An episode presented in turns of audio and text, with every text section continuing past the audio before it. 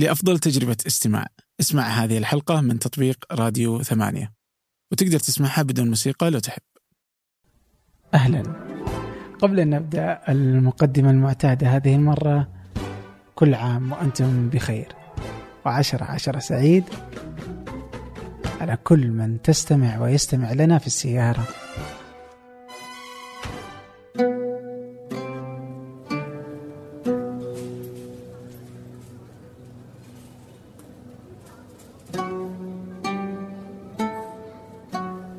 ضيفي اليوم هو وليد البلاع شريك في الفريق الإداري في صندوق STV الصندوق الاستثماري الأكبر في منطقة الشرق الأوسط مهتم بالمنظومة الريادية والتقنية والمستقبل ومتابع دقيق لكل شاردة وواردة في العالم التقني والشركات الناشئة في العالم. عمل سابقا في مايكروسوفت الأم في أمريكا وتنقل بين الشركات التقنية هناك لمدة ثمانية سنوات. في هذه الحلقة تبسيط وتوضيح وشرح لكثير من المفاهيم والمشاكل في السوق ولكيف ومتى يبحث الواحد عن استثمار وماذا تبحث عنه الشركات الاستثمارية في الأشخاص والأهم كيف تنضج المنظومة وأين هي المشكلة. حديث شيق وجميل. شارك مع من تعتقد أنها ستفيده أو كل من هو منخرط في مجال الأعمال وريادة الأعمال. وقبل أن نبدأ أود الإشارة إلى أمرين. أن التقييم والتعليقات التي تصلنا على آيتونز مهمة وتزيد من دائرة الوصول وأقرأها شخصيا. وأمر آخر هو أننا نعمل على سلسلة وثائقية تحكي قصصا للشركات الناشئة المختلفة والإبداعية في المملكة أو في الوطن العربي. شاهدوا الحلقات التي نزلت على قناتنا على اليوتيوب واقترحوا وهذا أمر مهم اقترحوا شركات تستحق التوثيق أرسلوها على بريدي tips at ثمانية dot com tips at ثمانية dot com أما الآن لنبدأ شفت سالفة اي هوب؟ ما شفته؟ هلا disaster صراحة شفت رد Wendy's؟ إيه، يقول لك إيش؟ إذا هم شافوا البانكيك صعب اقصيدك منهم الله مساكين. يعني إذا كانوا فعلا بيغيرون ال- العلامة التجارية مم. آه، فهي مصيبة يعني بس ماذا لو كانت بس مجرد حملة هذا تف... اللي يعني كلام كثير عندنا الناس. إيه إنه بس تخلي الناس يتكلمون بعدين. يقول إيه لعبنا عليكم برهيبه بتصير صح؟ بدا الناس يتكلمون فيها صح؟ إيه. ف I don't know يعني we'll see we'll see طيب على we'll see هذه نحاول برضو نعم. أن نبقي العربية ما استطعنا. بإذن الله. طيب الآن هذا الشكل كله يعني آه، واطلاعك للمجال المستقبلي آه، في التقنية خصوصا وفي الأبعاد الأخرى. يعني هذا جزء من آه، عملك اليومي أنا بتصور صحيح. يعني آه، فأنت آه، تعمل في STV صندوق استثمارات آه، الأكبر في الشرق الأوسط هكذا هو. حاليا. آه، الحين أول شيء STV تبع الاتصالات السعودية. العلاقة مختلفة شوي. شلون؟ أوكي فخليني أقول لك البدايه كيف كانت. البداية آه، قبل تقريبا آه، سنة ونص آه، شركة اتصالات السعودية كانت تبحث في آه، استراتيجية نمو لها. آه، فهي شركة اتصالات آه، تخصصها وجوهر عملها في الاتصالات لكن زي أي شركة اتصالات أخرى حول العالم آه، هم عارفين إنه في تسرب كبير للقيمة قاعد يصير من الطبقة اللي هم فيها الاتصالات للطبقات اللي فوقهم الطبقات الرقمية. آه، فالشركة قالت طيب كيف نتعامل مع الموضوع هذا؟ فوقتها طلب من عبد الرحمن طربزوني كان شغال في آه، جوجل في. أمريكا في ماونتن فيو آه، على أساس إنه يشارك الشركة ويبدون يعني ينظرون للخيارات الموجودة من ناحية الاستراتيجية. فعبد الرحمن كون فريق كنت أنا من ضمنهم وبدينا ننظر في في الموضوع واقترحنا على الشركة مجموعة من الخيارات. بس الخيارات هذه كلها كانت يعني متمحورة حول مجموعة أشياء، المجموعه ال- الشيء الأول من مصلحة الشركة إنها تنمو مع نمو المنظومة اللي حولها. خلينا نكبر الكيكة للجميع. آه شركه اتصالات برغم قوتها ورغم قدراتها كل شيء تظل شركة واحدة ولا تستطيع إنها تعمل كل شيء بنفسها ولا يصح إنها تعمل كل شيء بنفسها لأن في أشياء ما تفهمها. فعطى الخبز خبازة. هذا كان الشيء الأول. ال ال الشيء يكبر السوق الرقمي في المملكة هذا كان كاقتصاد رقمي وإنه STC شركة اتصالات تكون هي محرك من محركات النمو للاقتصاد. هذا الموضوع اللي إحنا اقترحناه للشركة. ولحسن الحظ الشركة كانت تعرف الشيء هذا ويعني كان في اتفاق على عليه. كان هذا المحور الأول. كان هذا المحور الأول. المحور الثاني كان وهذا الشيء الجديد اللي عمله شركة الاتصالات في في المنطقة إنه الصندوق هذا يمكن يسبب زعزعة لنموذج أعمال شركة الاتصالات نفسها. ممكن يتم الاستثمار في أشياء على المدى القصير تنافس بعض الأشياء اللي تسويها الشركة. ف يعني كانت الشركة مقتنعة إنه لازم نعطي الصندوق استقلالية كاملة إنه يكون عنده الجراه والقدرة على إنه يستثمر في شركات ممكن تغير المستقبل حتى لو كان التغيير هذا يأثر على شركه الاتصالات على المدى القصير.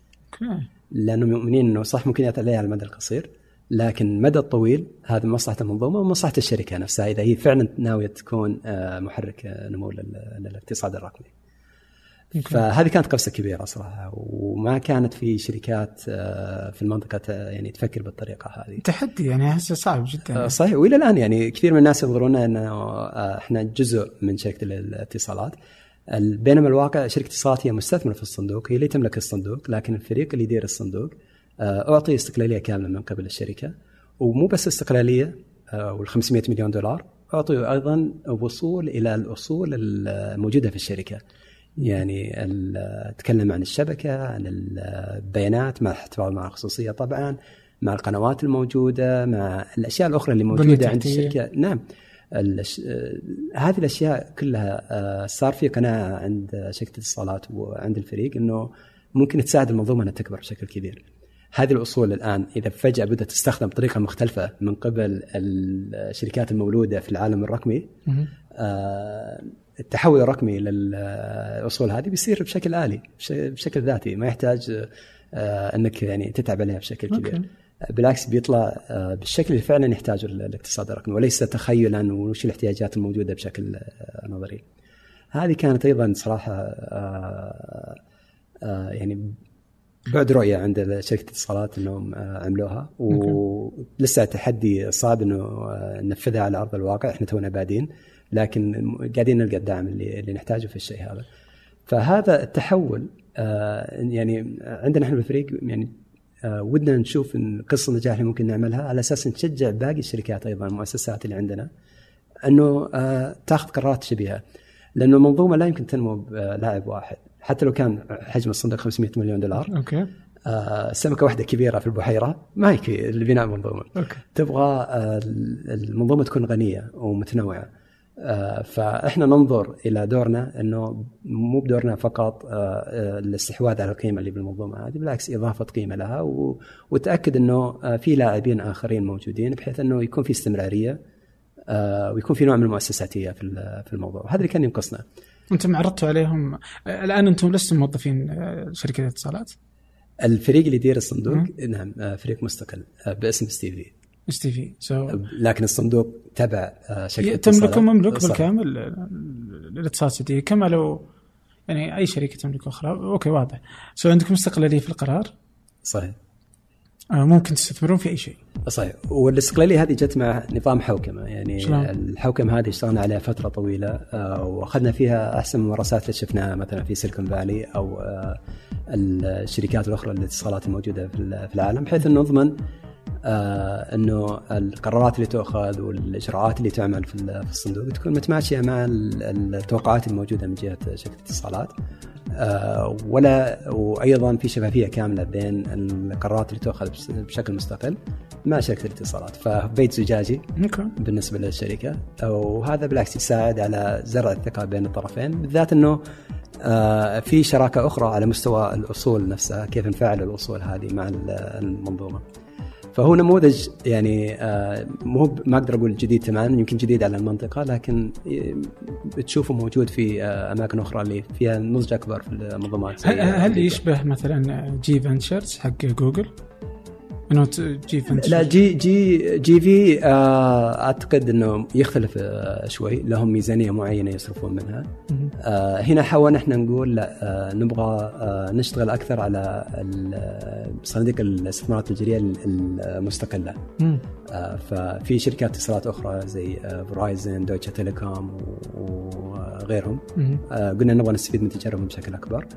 وبنفس الوقت ال- ال- اللاعبين التقليديين اللي موجودين في سيليكون فالي زي اندريسن هورويتس آه، سيكويا آه، كلاين بيركنز.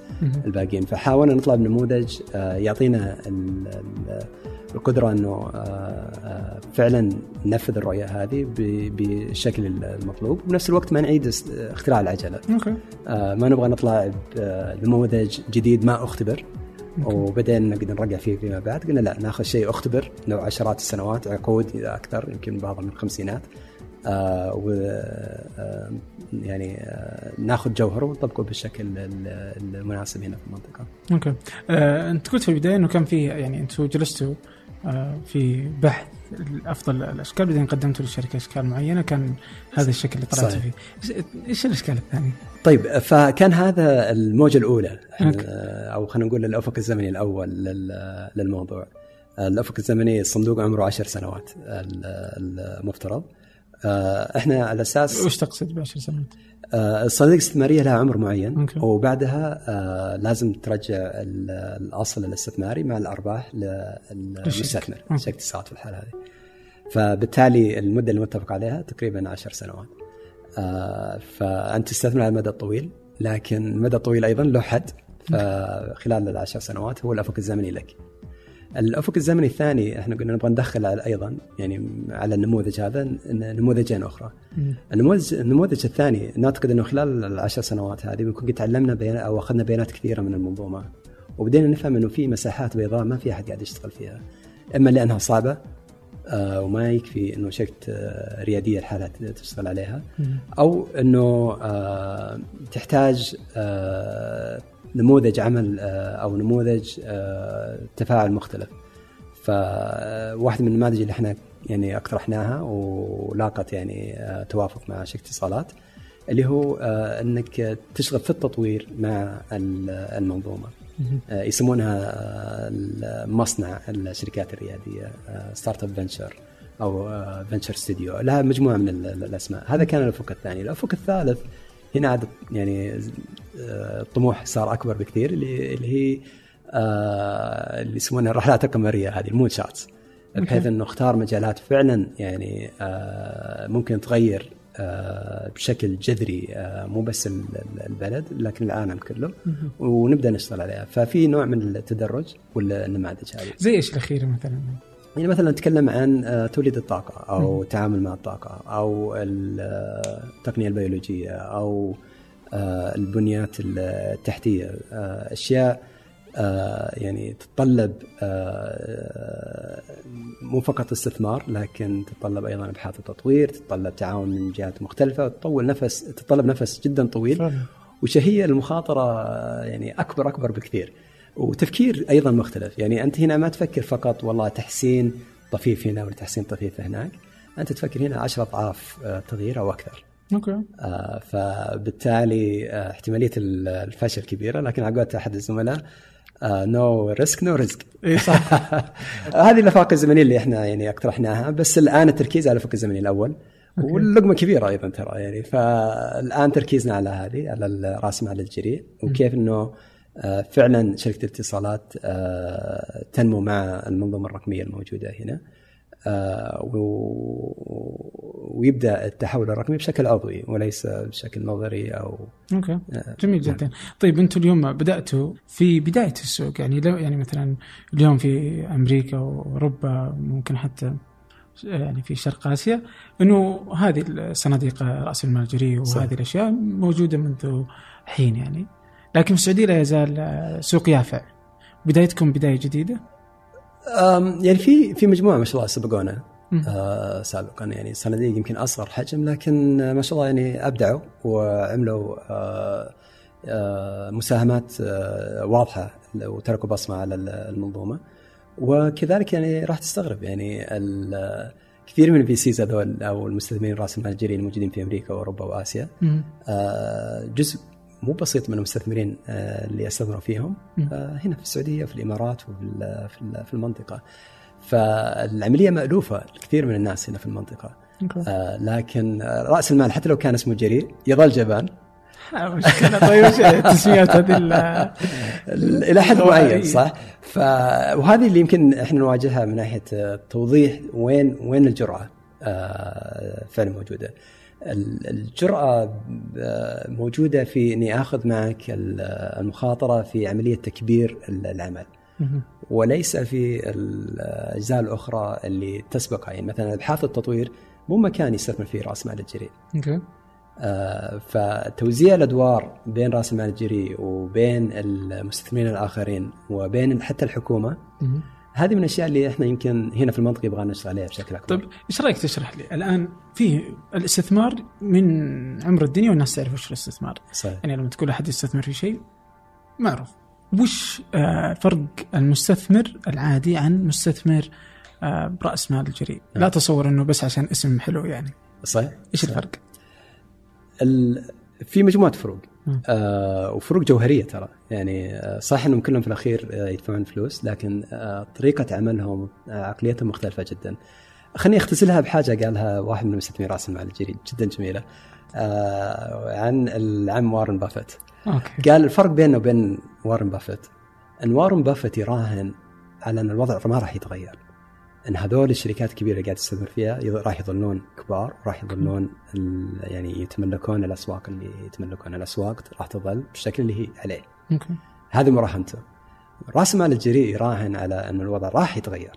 أوكي. وإن هذول الكبار راح تجي شركات آه، أخرى وتقتلعهم من مكانهم وتغير حتى شكل السوق. فالفرق بين الاثنين من الزاويه هذه إنه آه، يعني رؤيتهم للمستقبل مختلفة تماما. آه، في تفاصيل يعني آه، عملية آه،. يمكن تفرق بينهم بشكل أوضح. المستثمر العادي عادة بالنسبة له يستثمر في شركات غالبا ما تكون ناضجة. ولها فترة في السوق ولها تاريخ مالي يقدر يشوف ويقدر عليه يقدر يعمل عليه تحليلات مالية. مستثمر راس المال الجريء يستثمر عادة في الفريق أكثر من الشركة من حد ذاتها. آه لأنه الشركة ما لها تاريخ مالي، شركة ريادية توها بادية، أوكي. شركة ناشئة.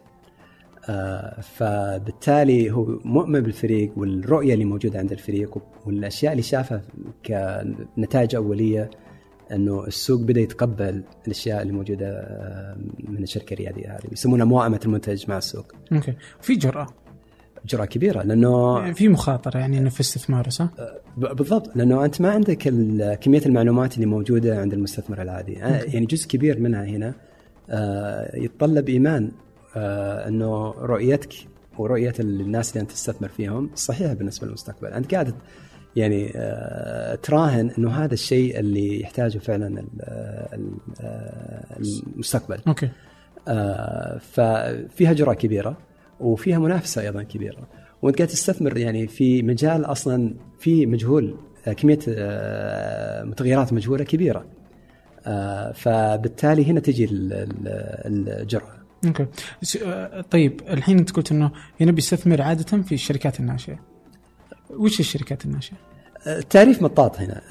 مطاط، لكن طيب. أنا شخصيا أفضل كلمة ال- الشركات ذات ال- النمو العالي.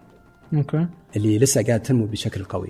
آه، أضعاف مثلا بعضها من شهر لشهر تتضاعف كميه النمو بعضها بالسنوات. آه، الشركات هذه أيضا آه، عندها رؤية أنها تغير ال- المستقبل أنها بتكون هي متسيدة السوق. أوكي. يمكن مو بكرة ولا بالسنة الجاية لكن خلال خمس سبع ثمان سنوات. وهذا أيضا من الفروق اللي بين المستثمر الرأس المال الجريء وبين المستثمر العادي الأفق الزمني لكل واحد فيهم. راس المال الجريء يقول أنا أستثمر على المدى الطويل. مم.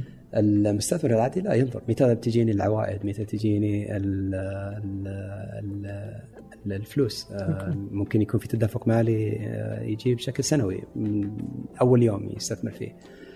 ف يعني هنا ال- الاختلاف الكبير. الشركات هذه ذات نمو عالي آه، ذات طموح عالي تبي تغير في السوق قاعد تسوي شيء فعلا يعني مختلف. سواء من ناحية نماذج الأعمال نفسها أو من ناحية التقنية والعقلية حتى يعني تتطلب عقلية مختلفة تماما عن العقلية الموجودة في السوق المحلي.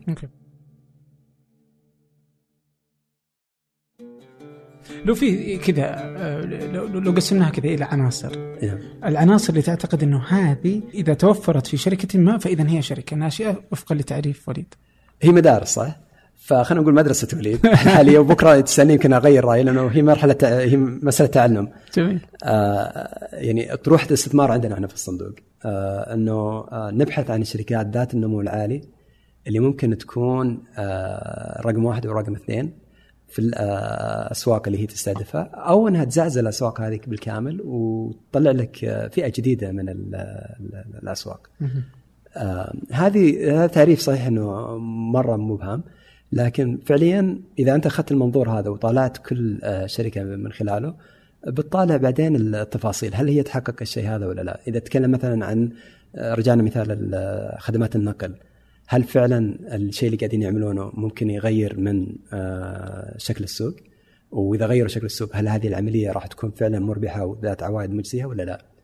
آه، هنا تبدأ تدرس الموضوع وتشوف آه، وتعتمد على أيضا حتى خبرة الفريق okay. يعني عادة الفريق اللي موجود في رأس مال الجريء خلفياتهم جاية من السوق نفسه. آه، نعم يحتاجون خلفية مالية لكن الخلفية المالية هنا ما تكفي.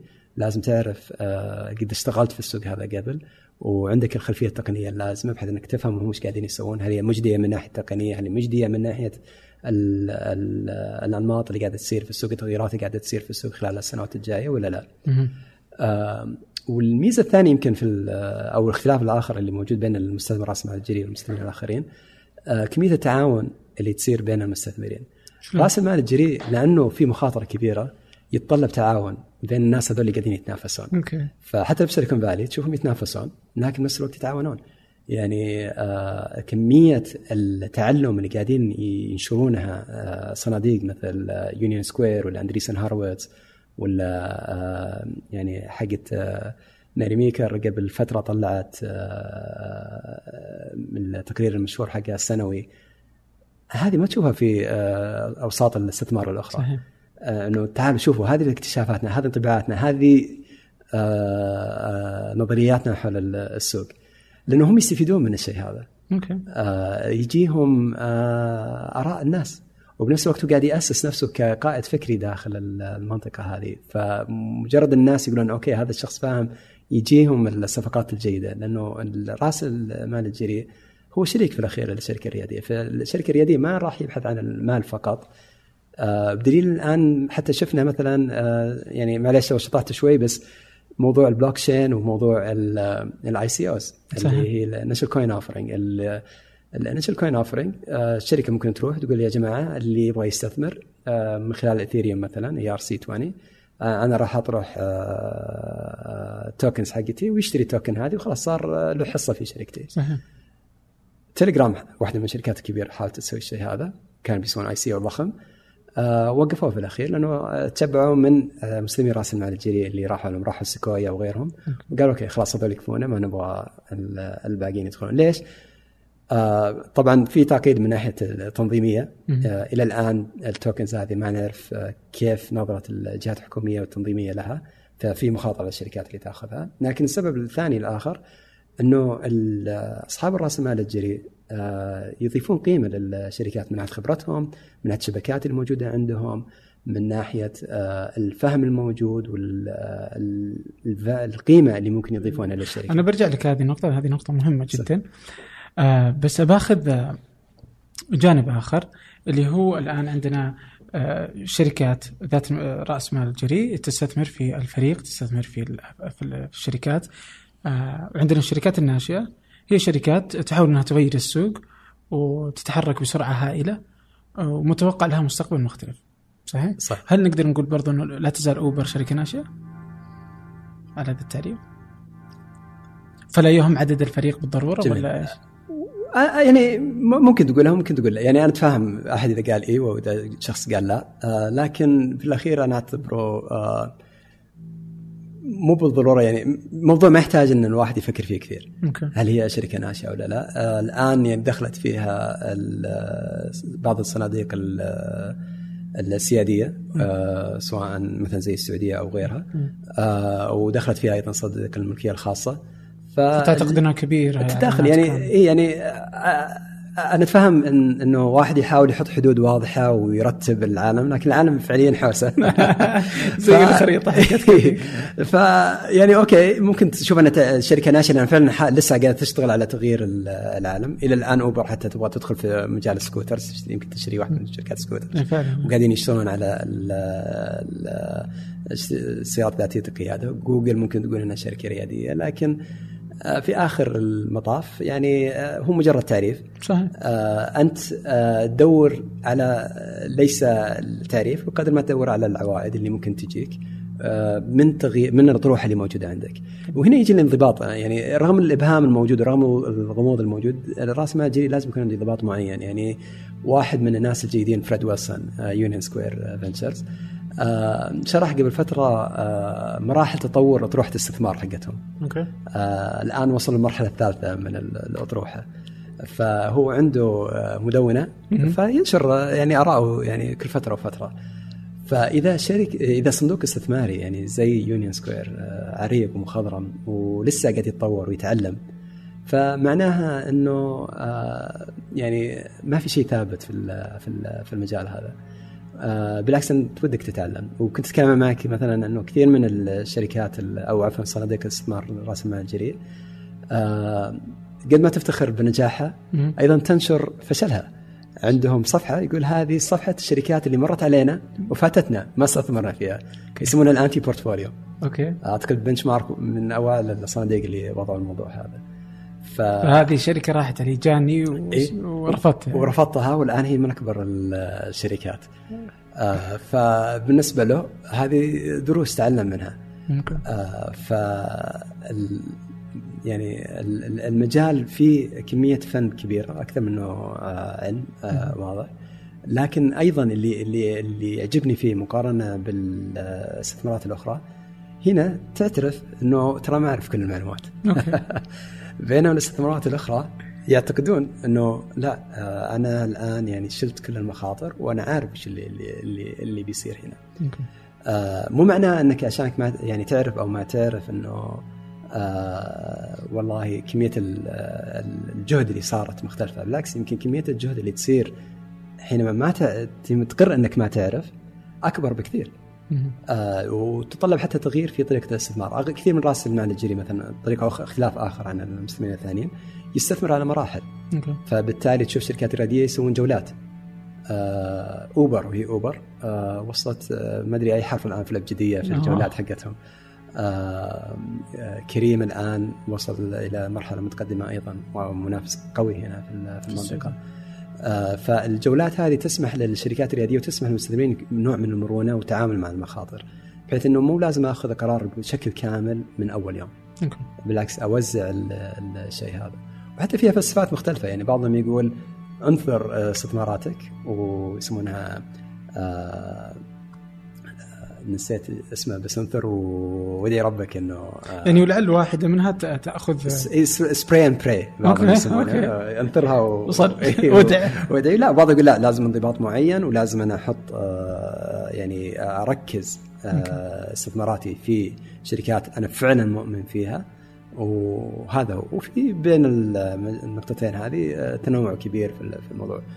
آه، في بعض الصناديق الاستثماريه تسوي شيء مختلف. تقول طيب أنا بشوف الإشارات الأخرى اللي قاعدة تجيني من ضمنها وش الصناديق الأخرى اللي دخلت؟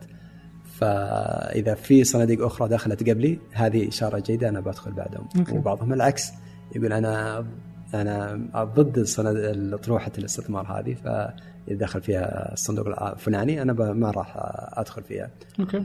وشيء ثاني وت- وتختلف كثيرا يعني. جدا جدا. في تنوع يعني جدا كبير في الموضوع. إيه، أنا بحاول إنه إيش هو لأنه متنوع. وكمان في نفس الوقت مو بواضح يعني. يعني في آه، الآن كذا مثلا مدرسة وليد. وبهذا انت تقصد إنه هذا اللي أنا أتصوره عن السوق. آه وفي اليوم. إي اليوم. إي وممكن يتغير بكرة. وكل وكل أحد جالس يتخيل يعني يتصور وينظر للمسألة من منظور آخر. فبحاول كذا يعني يعني ولعلي أهدف إنه نقدر نوصل إلى أفضل شكل آه، أو تقليل الضبابية ما استطعنا. يعني نعم. على الواحد إنه يقدر على الأقل لما يبحث يكون أكثر آه، فائدة. وخصوصا رواد الأعمال. آه، وخصوصا في السعودية. الحين أول شيء ومن هو رائد الأعمال؟ بتصورك يعني. كذا إذا بتعرف. يمكن أنا ضد التعريف الموضوع هذا لأنه ما له تعريف. فعليا. آه، أي شخص يعني يبغى آه، يأسس آه، منظمة ويبغى يغير العالم فيها سواء بشكل ربحي أو غير ربحي فهو رائد اعمال لكن في آخر المطاف يعني يعني ما فرق التعريف كثير. يعني بس التغيير له جزء مهم في التعريف إنه يحاول يغير؟ شوف آه التغيير جزء كبير منه. آه لكن مو بالضرورة دائما يكون موجود. أحيانا كثيرة. شوف بعض رواد الأعمال وممكن يحققون أرباح كبيرة. ونموذجهم هو تقليد الافكار الناجحة. مم. فهو مقلد أكثر مما هو تابع. وحتى على مستوى الشركات الناضجة في آه، خلاف كبير. هل أنا أكون تابع سريع؟ وترى أنك تكون تابع سريع مسألة صعبة. شلون؟ مو سهلة. أو اني اكون المبتكر إيش تقصد؟ التابع السريع إنه آه، إبدال ما يخاطر في آه، إنه يستثمر في الأبحاث والتطوير على أساس يطلع شيء مختلف تماما لا يستثمر في الابحاث والتطوير بحيث إنه يكون عنده القدرة لو شاف نجاح بوادر نجاح في أي مكان حوله إنه آه، يقتنص الفرصة ويستفيد من التجربة هذه ويغيرها بشكل يعتقد إنه ممكن تنجح لل- للسوق. كثير من الناس يقولون مثلا مايكروسوفت هي من الشركات اللي أتقنت نموذج التابع السريع. آه، في شركات أخرى لا تقول أنا أبغى أكون شيء جديد تماما. آه، فيستثمر في الأبحاث والتطوير وهذه فيها مخاطرة كبيرة يعني بيل لابس كانت من الشركات اللي طلعت حتى يعني ناس فازوا بجوائز نوبل. صحيح آه، ف هي استراتيجيات مختلفة ممكن بعض الشركات تطبق أكثر من استراتيجية نفس الشيء على بالنسبة لرواد الأعمال بعض رواد الأعمال يقول أنا قدرتي في التنفيذ بأخذ آه، حاجة نجحت مثلا في أوروبا. أطبقها هنا للمنطقة. أعمل عليها بعض التغييرات. آه، لكن تكون مناسبة للمنطقة. لكن جوهر الفكرة أثبت نجاحها في أماكن أخرى. في بعض الصناديق الكبيرة موجودة في العالم وشغال حتى هنا في ال- في المنطقة. هذا نموذجهم. آه، يأخذون الافكار الناجحه في أماكن زي أمريكا يطبقونها في أوروبا أو في آسيا أو في الشرق الأوسط. ف ممكن بعض الناس يقول هذا النموذج غير ريادي. وبعض الناس يقول لا هذا ريادي أنا بالنسبة لي هذا يعني اختلاف التفسيرات لكن في آخر المطاف هل هو حكم السوق ولا لا؟ هل هو غير هل هو جاب كمان؟ العوائد المستثمرين ولا لا؟ إيه، هذا المقياس اللي يمكن زي كريم كريم مثال. جيد يعني هو آه، أخذ نموذج أوبر ولفت في أمريكا نعم. طبقه في السعودية واليوم مع اختلاف صح؟ اللي آه. سواه وهذا يمكن يمكن هنا ال- ال- التابع السريع كيف لازم يشغل مخه كريم سوى شيء ما كان أوبر منتبه له. كريم عارف ان المنطقة هنا عندهم اشكاليه في الدفع بالبطاقات الائتمانية. مم. فهو سبق أوبر في تقديم الكاش. آه، النقد يا. صح. وهذا ساعدهم بانتشاره بشكل كبير. لما انتبه اوبر للموضوع آه، أكتشف إن كريم قد خلاص يعني أسس جذور قوية في المنطقة وصار منافس قوي له. أوكي. آه، فالتابع السريع ما يقلد يعني فرق كبير عن اللي اللي يقلد بالكامل اللي ينسخ. ويلزق. لا التابع السريع آه، لسه قاعد يعمل تغييرات يحتاج مهارات معينة آه، ويحتاج نوع من ال- ال- اللياقة الذهنية والسوقية اللي صعب إنه أي واحد يعملها. ففيها فيها يعني مهارة. أوكي. آه، فأرجع لسؤالك يعني تعريف رائد الأعمال أعرفه بالنتائج اللي يجيبها أكثر مما منه هو. أوكي جميل. طيب الحين إيش؟ إذا إذا ال- اليوم في في شكل أو مشهد لريادة الأعمال في السعودية. آه، يختلف الناس ما بين يجد فقاعة وستنفقع أو يجد بعضهم آه، شكل حقيقي وما بين ذاك وذاك حتما في هناك رواد أعمال حقيقيين في في المنطقة آه، يشار لهم بالبنان. صحيح. كيف يحصل على الاستثمار؟ كيف اليوم إذا عندي الفكرة الجيدة، فكرة حقيقية وممكن حتى إني جربتها وأثبتها على ف... على نطاق ضيق. نعم. كيف أبدأ وأحصل على الاستثمار وكيف تنصح في الموضوع ده؟ كيف تجده يعني؟ جميل بقول رأيي الشخصي آه، أول شيء يسويه آه، ينسى إنه يحتاج استثمار أوكي الآن وصلت التقنية إلى مرحلة آه، دمقرطت الشركات الرياديه خلت الموضوع سهل جدا أول بس عشان تشتري جهاز خادم زين؟ يبي لك عشرات الالوف الدولارات. آه، خلينا نتكلم عن آخر التسعينات بدايه 2000 الآن العملية سهلة جدا. آه، كل شيء موجود على الحوسبة السحابية. صحيح. آه الآن حتى منهجيات التطوير ما تتطلب منك زي أول إنك تطلع منتج كامل من اليوم الأول. بالعكس أنت تجرب وتعمل آه تعديلات آه مع البيانات اللي ترجع لك من السوق. فالتكاليف الفعلية لأغلب الشركات الريادية اللي ما لها علاقة مثلا بتقنيات آه، خلينا نقول آه، جديدة تماما. أنت قاعد تعمل ابحاث وتطوير لا نتكلم عن نماذج تطوير في نماذج أعمال أو توظيف مختلف للتقنيه الموجوده آه، في في السوق. هذه ما تتطلب أو إدخال تقنية معينة في في في قطاع جديد بالضبط. بالضبط. هذه ما تتطلب ترى اللي اللي يشغل نفسه في موضوع الاستثمار يعني بيتورط في الأخير ويكتشف إنه ضاع عليه وقت. آه يعني وأشغل نفسه في آه أمور مالية يمكن كان غني عنها. وشيء ثالث لازم تنتبه إذا أنت دخلت معك آخرين فهم شركاء لك في القرار. فالمرونة اللي كانت موجودة عندك إنك تتغير وتعدل وتروح وتجي الآن لازم في ناس تشاورهم وتشوف هل هذا الشيء يمشي معهم ويمكن شيتهم للتغييرات هذه والمخاطر اللي تجي معها مختلفة. فأنت تحد نفسك بدري. فلو الآن تروح على محرك البحث وتدور عن الشركات اللي يسمونها بوت سترابت آه اللي آه قدرت تنشأ نفسها وتمشي فترة آه بدون استثمارات وبعضها حتى وصلوا مرحلة اكتتاب بدون ما يدخل فيهم آه أي استثمار. العدد كبير وكل ماله يزيد بشكل كبير. لازم تعرف وش دور المستثمر معك. الدور المستثمر ليس فقط آه، آه، استثمار مالي لا له أدوار أخرى وهنا تقيم المستثمرين ونوعيه الناس اللي تبغاهم معك. آه، فأنا أعتقد إنه الأمور المالية والأمور الاستثمارية أعطيت أكبر يعني من حجمها بالنسبة للشركات اللي توها بادية. لا تستعجل على موضوع الاستثمار. استعجل على معرفة رأي السوق. استعجل على معرفة من هم الناس اللي بيشتغلون معك استعجل على معرفة وش المخاطر الموجودة وكيف أتعامل معها آه هذه الأشياء اللي يمكن آه تحتاج تركيز في في البداية أكثر من شيء آخر. وعرف أنت هل قاعد تحل مشكلة فعلا كبيرة ولا لا؟ يعني كثير مننا للأسف آه يفكر بالحل آه لكن آه على حساب المشكلة. آه أنا من النوع اللي أقول لا حب المشكلة لا تحب الحل. لأنه زواجك بالحل يبي يورطك الحل تتغير التقنية تتغير. يعني أنت أعجبك الحل حق اليوم هذه بكرة تغيرت. آه ثاني يوم ثالث يوم جت تقنية أخرى آه أفضل منها. لكن لما تعشق المشكلة المشكلة هذه ما تتغير. من تاريخ البشرية المشكلة موجودة. لكن مين اللي يقدر يحلها بشكل أفضل؟ فأنت اختار المشكلة الصحيحة اللي تعتقد إنه فعلا عندك القدرة على علاجها بشكل أفضل من غيرك. آه تطوير حلولك لها يعني برضه. وتطوير واشتغل عليها. طيب الآن إذا أشتغل على مشكلة مثلا وحبها نعم. وقاس يعني السوق متى يبدأ آه، يبحث عن مستثمر يعني؟ المستثمرين أنواع والاستثمارات مراحل يعني آه، المرحلة الأولى يعني عادة بالنسبة للشركات إذا إحنا أخذنا النموذج التقليدي للاستثمارات الشركات الريادية آه تأخذه من العائلة من الأصدقاء من الناس اللي آه يعني آه يؤمنون فيك بشكل قوي وودهم يدعمونك حتى لو ما كانوا فاهمين فكرتك. أوكي. آه هذول الناس يعني عاده بيعطونك مبالغ آه مي كبيرة جدا لكن على الأقل تمشيك لمدة كذا شهر إلين تبدأ آه، تطبق الفكرة ويصير عندك نموذج أولي لها ويمكن قدرت تجرب آه، ردة فعل السوق عليها. هذه يمكن المرحلة الأولى اللي المفروض الواحد يبدأ فيها. ابدا لا تبدأ بديون. بداية ديون آه، القروض هذه آه، أيضا إشكالية كبيرة تدفع ثمنها لاحقا على حساب يخوف.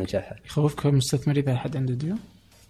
في شركات نجحوا من خلال الديون ما أقول لا لكن آه هو المفروض يكون آخر العلاج. وعاد كثير من الناس ينصحون ضدها آه لأنه المفروض آه الحجم المخاطر اللي يكون موجود عندك إذا إذا اكتشفت إنه ما حد مؤمن فيك فالمشكلة مي مشكلة مالية. أوه. المشكلة فيك أنت لازم تشوف ليش ما حد آمن فيك من حولك. هل فكرتك غلط؟ هل أنت غير مناسب للاستثمارات هل في شيء يبغى تعدله؟ مصداقيتك فيها إشكالية؟ ما أنت قادر تبيع الفكرة؟ هذه آه، الفلوس ما تحل الاشكاليات هذه. فقدرتك إنك تجمع الفلوس من الناس اللي حولك هذا اختبار لك وللفكره اللي موجودة عندك. المفروض تمر فيه. أوكي. إذا رحت للقروض آه، فاتك الاختبار هذا وما تدري أنت إيش قاعد آه، هل تسوي الشيء الصحيح ولا لا. ال- الشيء الثاني اللي يجي بعدها عادة ومرة أخرى يعني هذه مو بالضرورة التسلسل اللي لازم تمشي عليه كل شركة. آه، اللي يسمونهم مستثمرين ملائكيين angel investors هذول المستثمرين عادة أفراد أو مجموعات آه، أفراد. آه، عندهم الرغبة أنهم يستثمرون في الشركات بشكل مبكر جدا من فلوسهم الشخصية. آه، لكنهم مخضرمين وعارفين الاستثمارات هذه وعادة بيطرحون عليك مجموعة من الطلبات مقابل الاستثمار هذا؟ يعني مثلا وش الحقوق الموجودة لهم لو فشلت الشركة؟ وش الحقوق الموجودة لهم لو بغيت تبيع الشركة؟ لو بغيت تدخل مستثمرين آخرين؟ فكون عندهم الخبرة هذه آه، بيطلبون منك الشيء هذا وهذا شيء جيد لك على أساس إنه بكرة إذا جيت تدخل المستثمرين في المرحله المراحل اللي بعد المؤسساتيين الشركة مرتبة بشكل معين قابل للاستثمار من قبل المستثمرين المؤسساتيين. زي إيش عادة الحقوق اللي لازم يضمنها يعني مثلا بشكل بسيط يعني مو مثلا والله بكرة آه، تسكر الشركة تقول كل واحد ياخذ فلوسه يلا مع السلامة. آه. لا في عواقب لل بس إذا. فشلت تتحمل معي الفشل؟ أكيد أنا قاعد آخذ معك المخاطرة هذه بس آه، بشكل آه، قانوني لازم إنه فشلت الشركة مو والله بسبب كسلك أو فجأة ذاك اليوم قررت إنك يعني تسحب عليهم. لا في أسباب وفي منطقيه آه، وهو واضحه معاهم. اي اي ف- طيب. الحين الأهل والأقارب والأصدقاء هذول عاده كم يعطونك مثلا؟ كم تتصور يعني؟ يعتمد على الاهل اللي حولك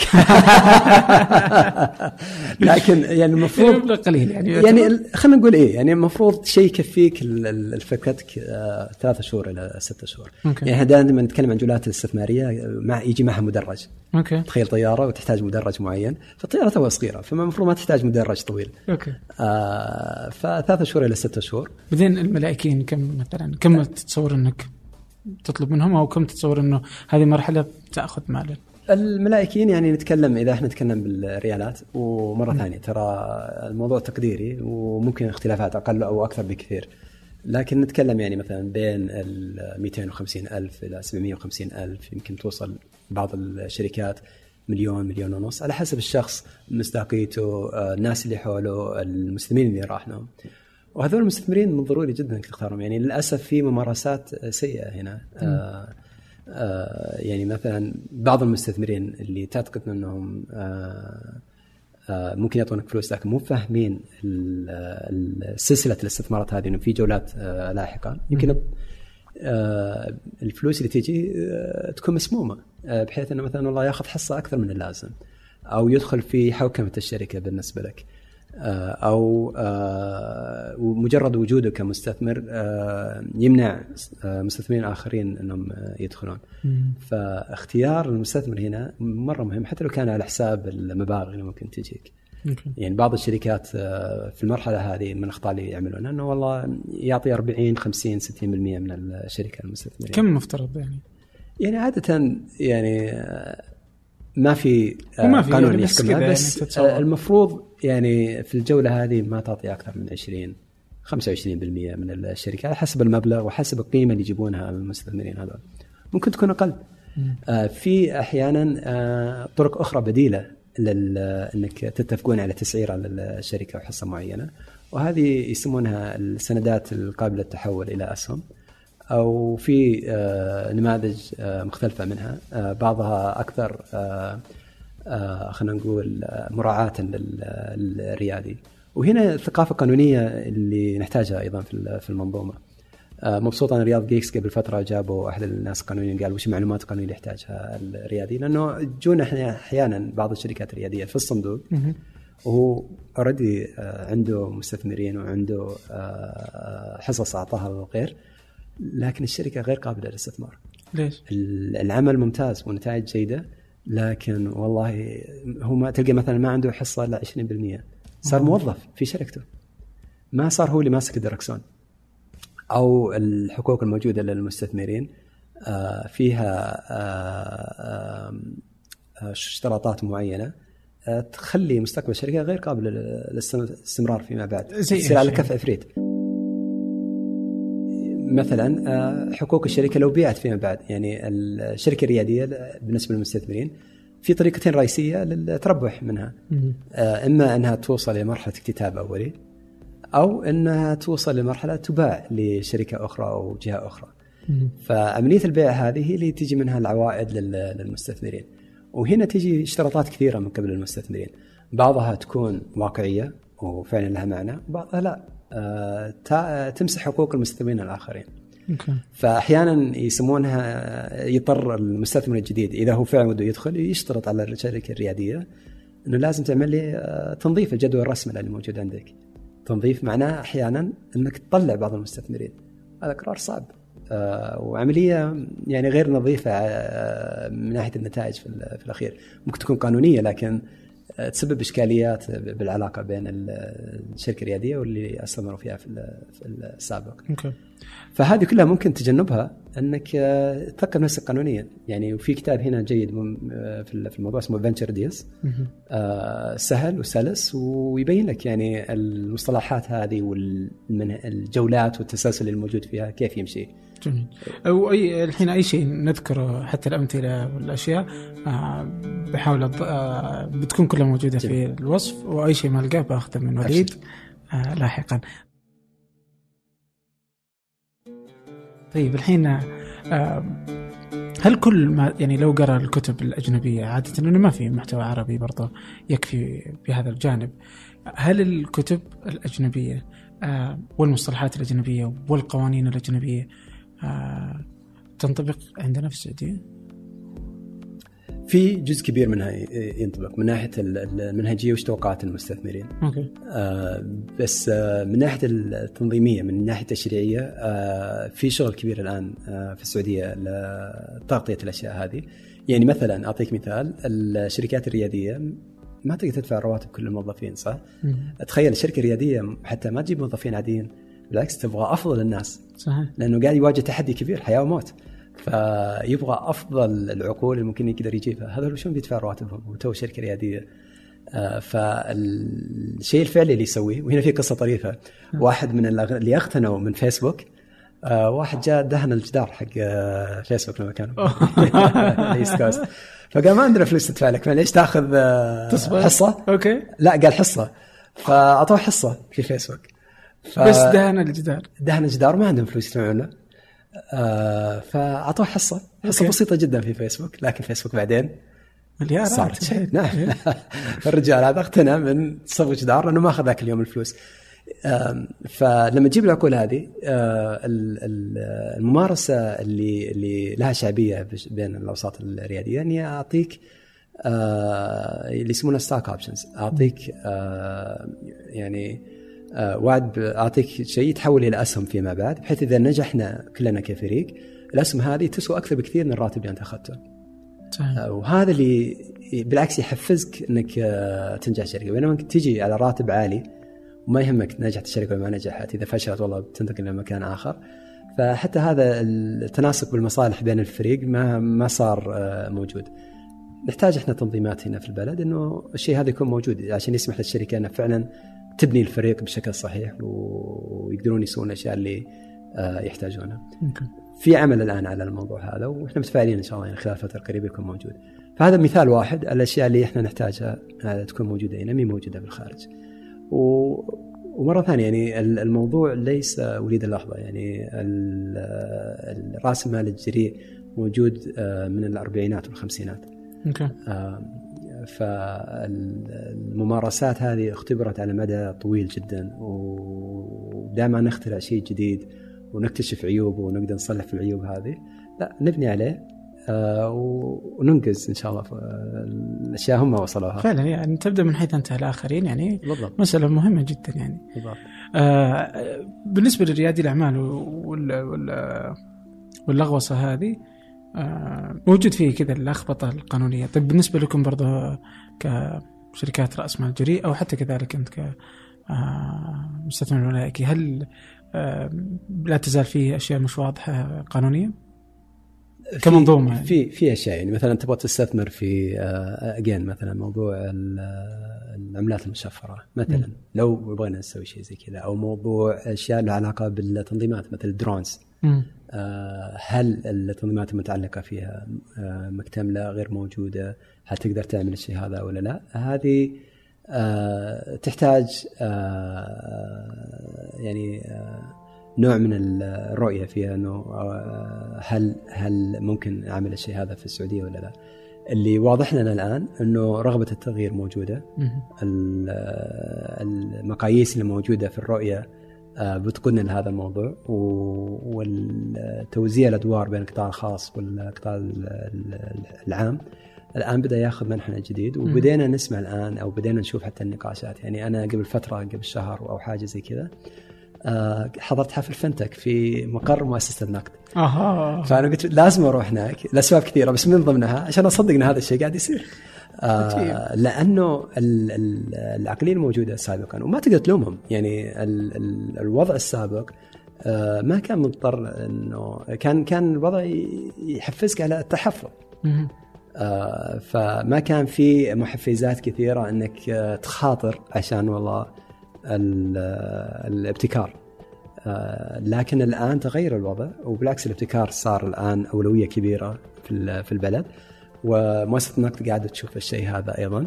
فالآن آه، صار عندنا آه، توجه كبير من جهة الحكومة إنه لا لازم ندخل في موضوع التقنية المالية. آه، ولازم ندخل بسرعة لأنه ال- الغزو الصيني ما راح يتوقف. ما راح يتوقف. ويجينا ويتخطانا. يعني الآن تشوف حتى في أمريكا. بعض المقاهي أنا شفت ذاك اليوم tweet ال- واحد من الأمريكان. أوكي. آه، يدق ناقوس الخطر. يقول شوفوا آه، Ali Alipay و- آه، WeChat آه، موجودين الآن في المقاهي. تصور ستاربكس. ال logos حقت الدفع حقتهم. آه، Alipay عندهم Ant Financial Ant Financial قبل آه، كذا يوم أخذ 15 مليار دولار في جولتهم الأخيرة. صح.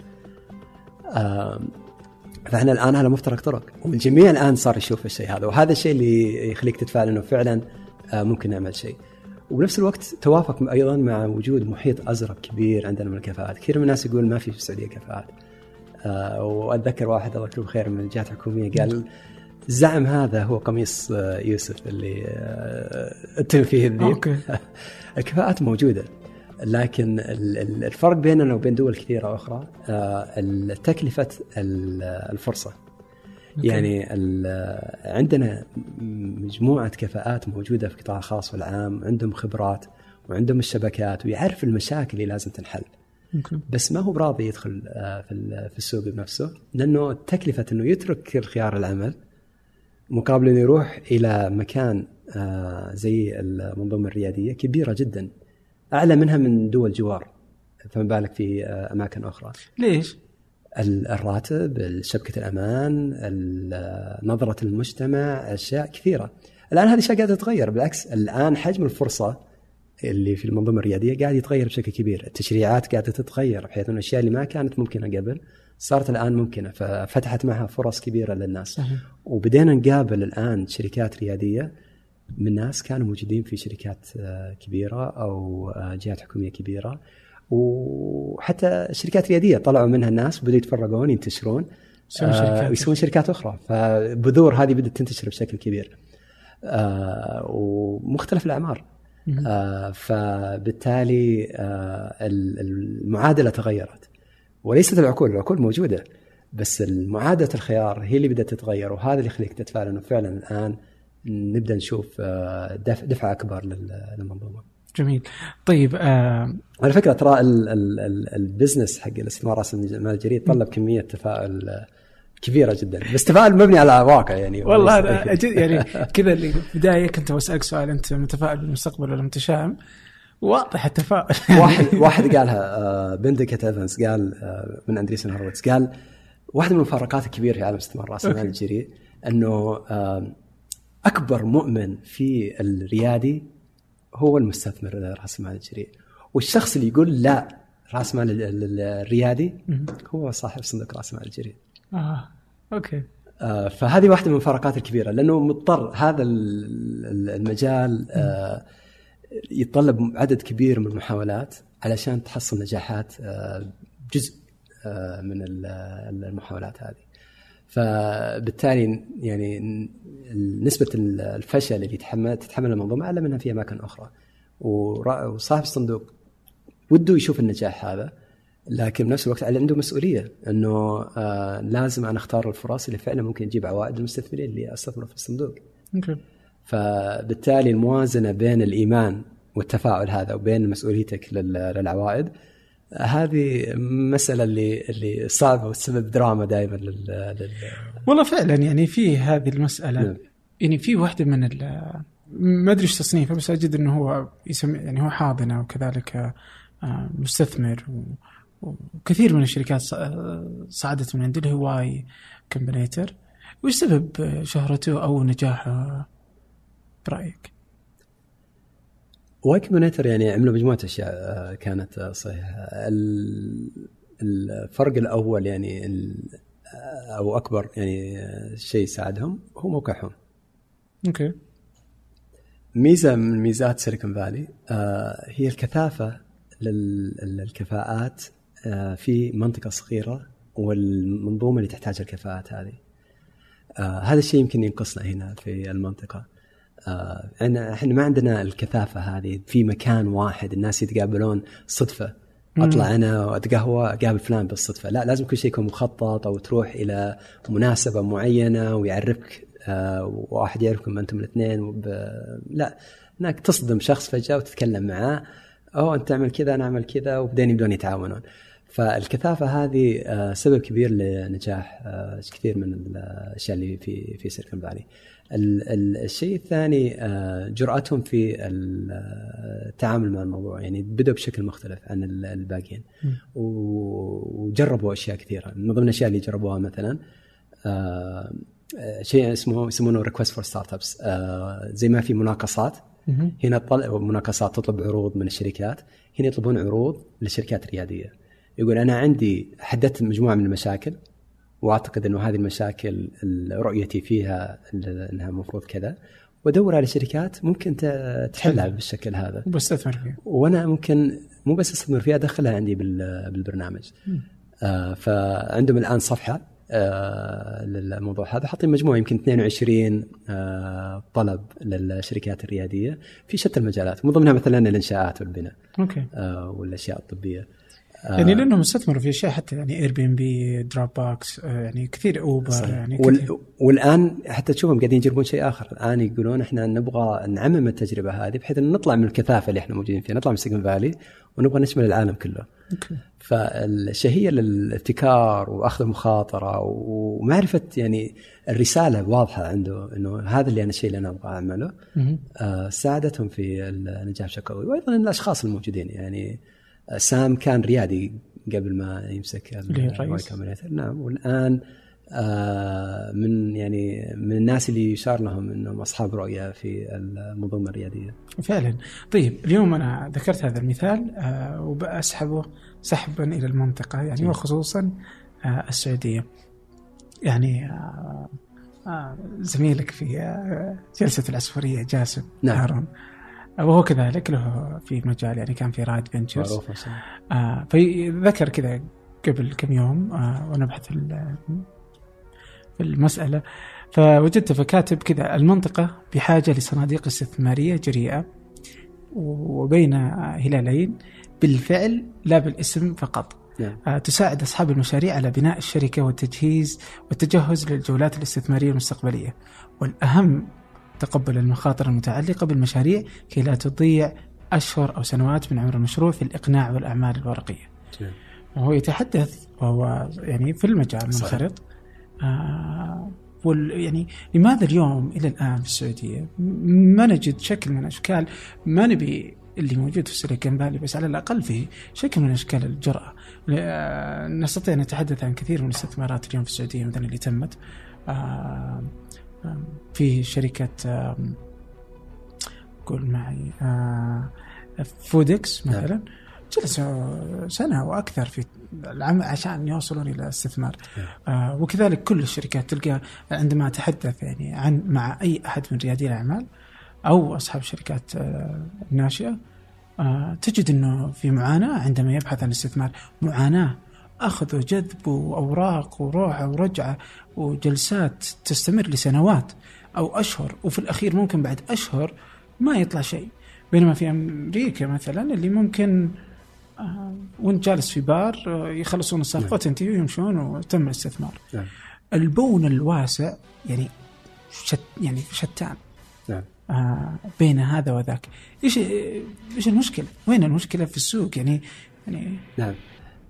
خلينا نتفق على شيء شغلتين. اتفق. أول شيء آه هي مو بأمريكا هي Silicon Valley.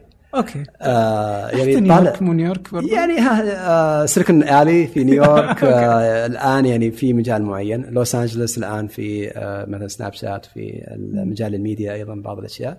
لكن تظل آه Silicon Valley بالدرجة الأولى آه فرق كبير عن باقي المناطق في في أمريكا. آه سياتل فيها مايكروسوفت أمازون ومجموعة من الشركات الآن اللي اللي. طالعة أيضا. آه بس يظل ال- ال- ال- ال Silicon Valley هي الاستثناء. آه يعني واحدة من المشاكل الموجودة في لندن مثلا. آه لندن تعتبر عاصمة التقنية المالية آه في بالذات في أوروبا. إن الشركات إذا كنت أتكلم مع زميلي هاني عناية دكتور هاني من زيارته هناك اكتشف إنه واحدة من المشاكل يشتكون منها؟ إنه كثير من الشركات إذا وصلت مرحله نجاح معينة انتقلوا إلى Silicon Valley. فيسبوك حتى آه كان في بوسطن. بعد آه ما كبرت شوي راحوا ل Silicon Valley. آه رغم بوسطن. ترى سبقت Silicon Valley MIT وهارفارد والأشياء هذه آه كانت موجودة بشكل كبير. لكن آه سيليكون فالي كان في خلطة سحرية إلى الآن الناس ما فكوا اللغز هذا. ساعدت ومن بعض الأشياء واضحة. يعني مثلا قانون العمل في كاليفورنيا آه يسمح للموظفين إنهم يتركون الشركة ويشتغلون في نفس المجال. مو دائما بس على الأقل مقارنة مثلا في بوسطن. هذه واحدة من الأشياء الكبيره الفرق بينهم. فبالتالي آه تسمح بانتشار ال- الخبرات. ما تكون مركزة في مكان واحد وإذا بدأت تفشل الشركة يصير ال- الكفاءة هذه تصير محبوسة داخل مكان واحد. بدأت تتوزع وهذه الثقافة ترى تستغرب. يعني أول ناس سووها وانتقلوا من آه، شرق أمريكا من الشخص اللي كانوا يشتغلون مع شاكلي اللي اخترع ترانزستور كان مدير سيء جدا. فيبون الفكة منه. فمشوا هذول طلعوا من عنده. أقنعهم واحد من المستثمرين قال تعالوا في كاليفورنيا لأن. النظام يسمح لكم آه، تكونوا موجودين. تدري إيش سموهم؟ المجموعه هذه؟ الخونة الثمانية. أوه. فالتغير في العقلية الآن لا ما صارت موضوع خونه بالعكس. يعني شوف PayPal الحين يسمونه المافيا. Okay. هذول الناس خطيرين. شوف طلعوا وانتشروا. إيلون ماسك على إي على LinkedIn جيد. على الباقيين. آه ف. يعني في في جزء منه ال... ال... ال... النظام العمل على ال regulation على الشغلات الاخرى وفي جزء منه لا. تاريخيا كذا. وفي جزء إنه لا كل شيء مختلف عن الثاني. تعال نشوف وين الاشياء اللي أنت متفوق فيها. وش غاية؟ لا تحاول تنسخ نموذج آخر. هذه واحدة. ال- المسألة الثانية اللي ودي نتفق أنا وياك عليها إنه ترى الوضع اليوم برغم المشاكل اللي موجودة فيه فرق كبير عن قبل خمس سنوات. فرق أكبر منه قبل عشر سنوات. أنا من شيبان ف يعني تخرجت أنا في سنة 97 فرق بين 97 وبين 2018 فرق الليل عن النهار. فرق كبير. فلا تطالع النقطة الواحدة. يعني إنه الآن وش الوضع وش المشاكل؟ طالع ال- المنحنى. أوكي. هل المنحنى قاعد يتحسن ولا قاعد يسوء؟ طيب كيف السرعة؟ هل نحبو؟ السرعة مهمة لأنه إذا ما جيت ما مشيت بالسرعه اللازمة بيجون الناس الآن إحنا نعيش على العولمه ويجي غيرك ياكلك فهل إحنا نحبو ولا نمشي ولا نسرع ولا نركض؟ الآن إحنا ما نركض. آه يبغانا نركض. فودنا نشوف الشيء هذا. آه عندنا القابلية للركض عندنا المقومات ال- ال- المطلوبة. آه وأحيانا ترى الوقت ياخذ نضج. آه المنظومه لازم تنضج ما تقدر تستعجل عليها. آه بس اللي إحنا ماشيين عليه الآن أعتقد إنه مقبول آه، أحسن من السابق. آه ودنا نشوف آه كيف ممكن يصير بشكل أفضل. حتى إحنا في الصندوق لما بدينا آه كان نظرتنا للعمل إنه إحنا لأننا صندوق كبير نسبيا آه نستثمر في المراحل اللي متأخرة نسبيا. ما راح ندخل في مراحل جدا مبكرة. أوكي. بعدين اكتشفنا لا إنه المنظومة تتطلب آه، مشاركة أكثر فعالية فالنموذج اللي بيننا اسمنا ال- يعني بالإنجليزي يمكن أحيانا هذه مشكلة الإنجليزي الناس متعودت عليها بالإذن إيه. لما ترجمها باللغة العربية تجيني أحيانا ملاحظات ليش ترجمها بالشكل هذا؟ أقول أنا ما تعودت اذنك عليها. فهو ماسكلر موديل اللي هو نموذج عضلي زين آه النموذج العضلي ليش يسمونه عضلي؟ لأنه أنت ما أنت آه جالس بس تنتظر تحط فلوس تنتظر لا أنت تشمل عن يديك أوكي. وتدخل وتعمل تعديلات فإحنا نبي نشمل عن يدينا في الصندوق ونبي ندخل في المراحل المبكرة عشان نحفز التدفق اللي قاعد يجينا في المراحل المتأخرة إحنا من مصلحتنا كصندوق لأنه إحنا نشتغل على المدى الطويل عندنا القدرة إنه آه، وعندنا المنطق اللي نحتاجه إنه نقول لا نبغى ندخل في المراحل الأبكر من كذا على أساس نضمن التدفق الصحيح والصحي للصندوق على المدى الطويل. فالآن قاعدين نأسس برنامج للمراحل المبكرة هذه ويكون مو بس استثمارات رأس مال الجريء بالعكس نبغى ندخل في موضوع آه، مساعدتها بشكل أكبر من ناحية الخبرات من ناحية العمل من ناحية النماذج اللي هم يشتغلون عليها. فالبرنامج هذا إن شاء الله بي- بيرى النور آه، قريب ويعني يعكس إنه okay صح في مشاكل بس الآن السؤال وش تقدر أنت تسوي عشان حل المشاكل هذه؟ الصندوق اليوم STV يستثمر فقط في المشاريع السعودية ولا؟ لا ال- الصندوق آه، يستثمر في الفرص في موجودة دوليا. لكن إحنا على قناعة إنه المنظومة هنا آه، مو عشان تستحق المساعدة. أنا أحب أشياء اللي اللي تعتمد على منطق السوق. Okay. المنظومة الآن قاعدة تعيش نافذة ذهبية. يعني إذا أنت مؤمن إنه إحنا على المنحنى الصحيح فالمفروض خلال السنوات الجاية آه، بنشوف النتائج هذه. بالتالي الت- السعر اللي أنت تحصله الآن يكون أرخص بكثير من السعر لاحقا. وفي آه، المنافسين من برا يمكن ما هم قاعدين يفهمون السوق بالشكل اللي أنت تشوفه. فهذه ميزة للمستثمر الداخلي وممكن إحنا نحصل آه، النوعية آه، ذات جودة عالية جدا في ال- في المنطقة بالذات في السعودية. غير اللي نحصلها مثلا في مكان مزدحم زي سيليكون فالي إحنا لسه جدد فيه.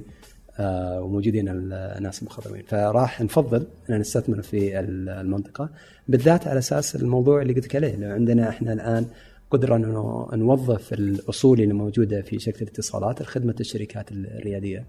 هذه تزيد آه، نسبة العوائد الموجوده عندك وتقلل المخاطر بشكل كبير وتساعد إنك يعني على الشركات تستثمرون فيها برضو انه ممكن تكبر تنجح؟ تكبر الأنبوبة ال- الفرص بالنسبة لل- للصندوق. صحيح. طيب الحين آه، آه، الصندوق عمره سنة؟ الصندوق فعليا رسميا عمره ستة شهور الآن. ست اشهر نعم طيب بس اشتغلنا عليها قبل فترة على أساس نبني نموذج الحوكمة و ست اشهر بشكل تكفيني. نعم. الآن إيش في مشاريع سعودية تمنيت إنك موجود واستثمرت فيها؟ لكن لأنكم جدد يعني راحت عليكم كثير. لكن الميزة لأنه إحنا يعني آه، صندوق كيو أجين كبير نسبيا. آه، بالعكس النجاحات هذه آه، نقدر ندخل فيها في المراحل المتأخرة. ما أقدر آه، طبيعة عملنا إني أسميها بال- بال- بالاسم لكن في فعلا مجموعة من الشركات اللي الآن حتى بعضها بدأت تطلع برا السعودية. مم. آه، واحدة من الشركات الآن اللي يمكن يعني تسمعون استثمار فيها قريب. أصلا أول مرة تتلقى الاستثمار هذا. آه، أول مرة تفتح مجال للمستثمرين من الخارج. bootstrap okay. ورغم ذلك آه، شركة ربحانة وموجودة في أكثر من دولة آه، في المنطقة العربية. okay. عجيب. والآن توهم يقولون okay الآن نبغى ندخل في الاستثمارات وقدموا خطة ليش الاستثمارات هذه آه، بتكون مفيدة لهم وكيف إنهم بيحكمون السوق بعد الاستثمارات هذه. بس بس توقفك هنا إنه لو أنا عندي فلوس نعم. تكفيني إني أقدر أشغل شركتي بدون مستثمرين نعم. هل هذا خيار أفضل أمثل؟ ولا وجود المستثمرين أصلا أكثر من مجرد فلوس؟ جميل. آه أنا بالنسبة لي اللي هو المفروض الثاني.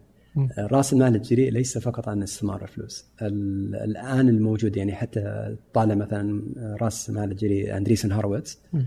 آه، بنوا منصة. قالوا هذه المنصة آه، هي اللي تميزنا عن باقي الصناديق.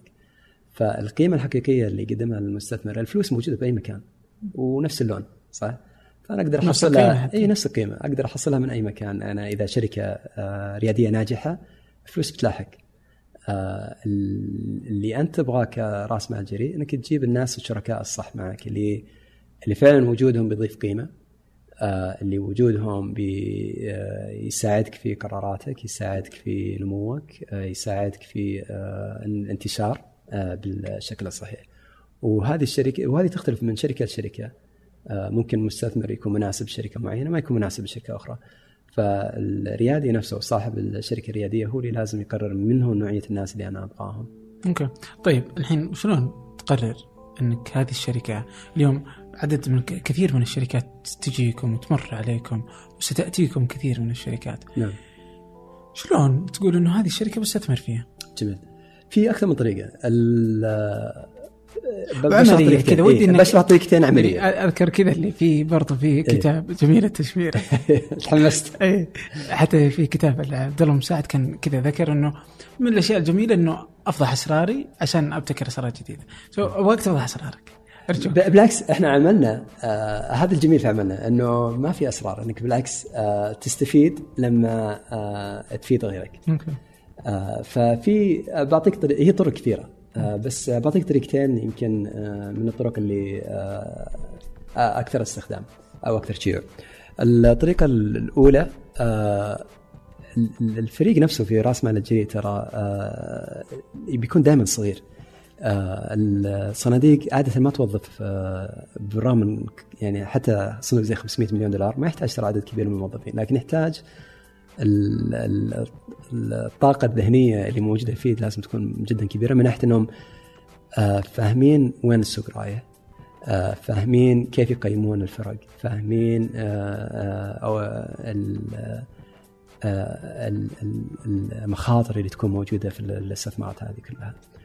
ورغم ذلك آه، يعني ممكن يخطئون بشكل كبير. آه، فبالتالي قابليتهم لشهية المخاطر وتعامل مع المخاطر وكيف أقلل المخاطر هذه بقدر الإمكان طلب شطارة كبيرة. آه، كل صندوق يختلف. يعني إحنا من تونا بادين فبنشوف لسه تحت الاختبار.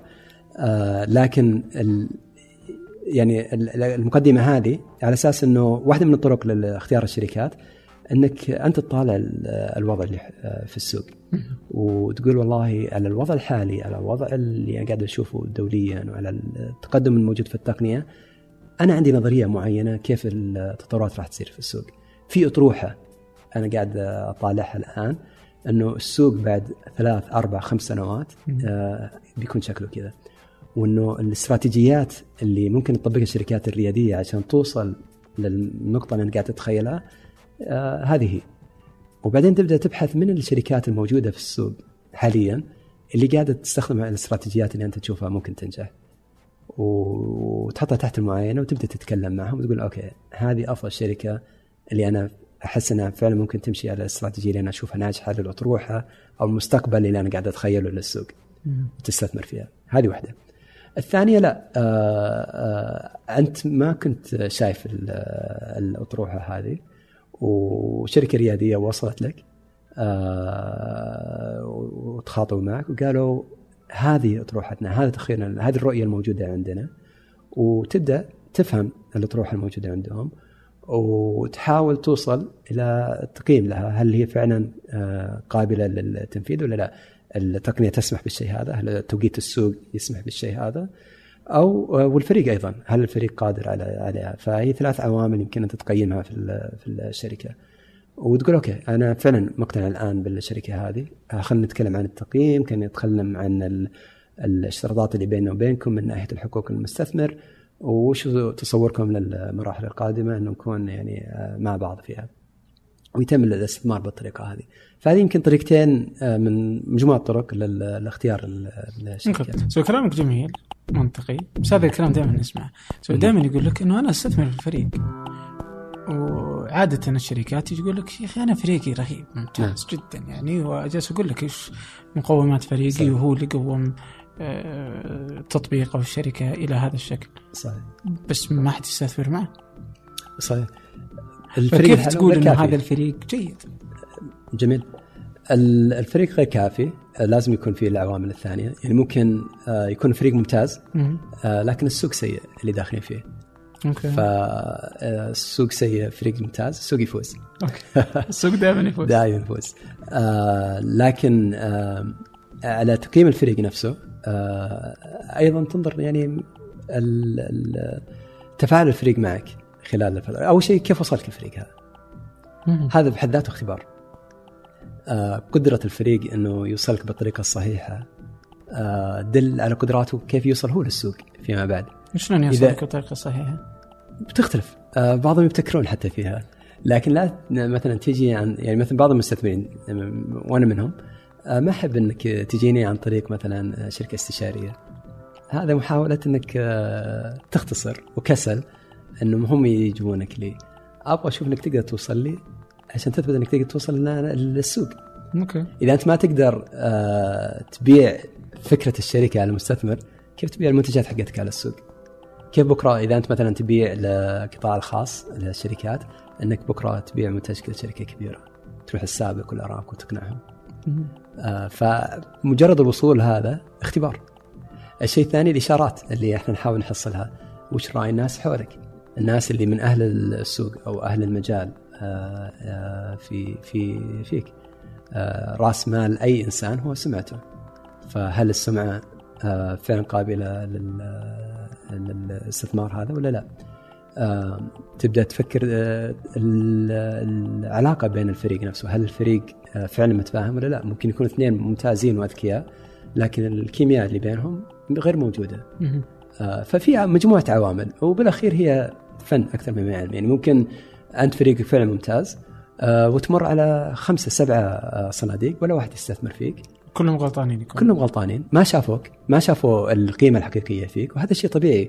وعشان كذا التنوع في السوق شيء ممتاز وعشان كذا كل صندوق له يعني نظرته الخاصة.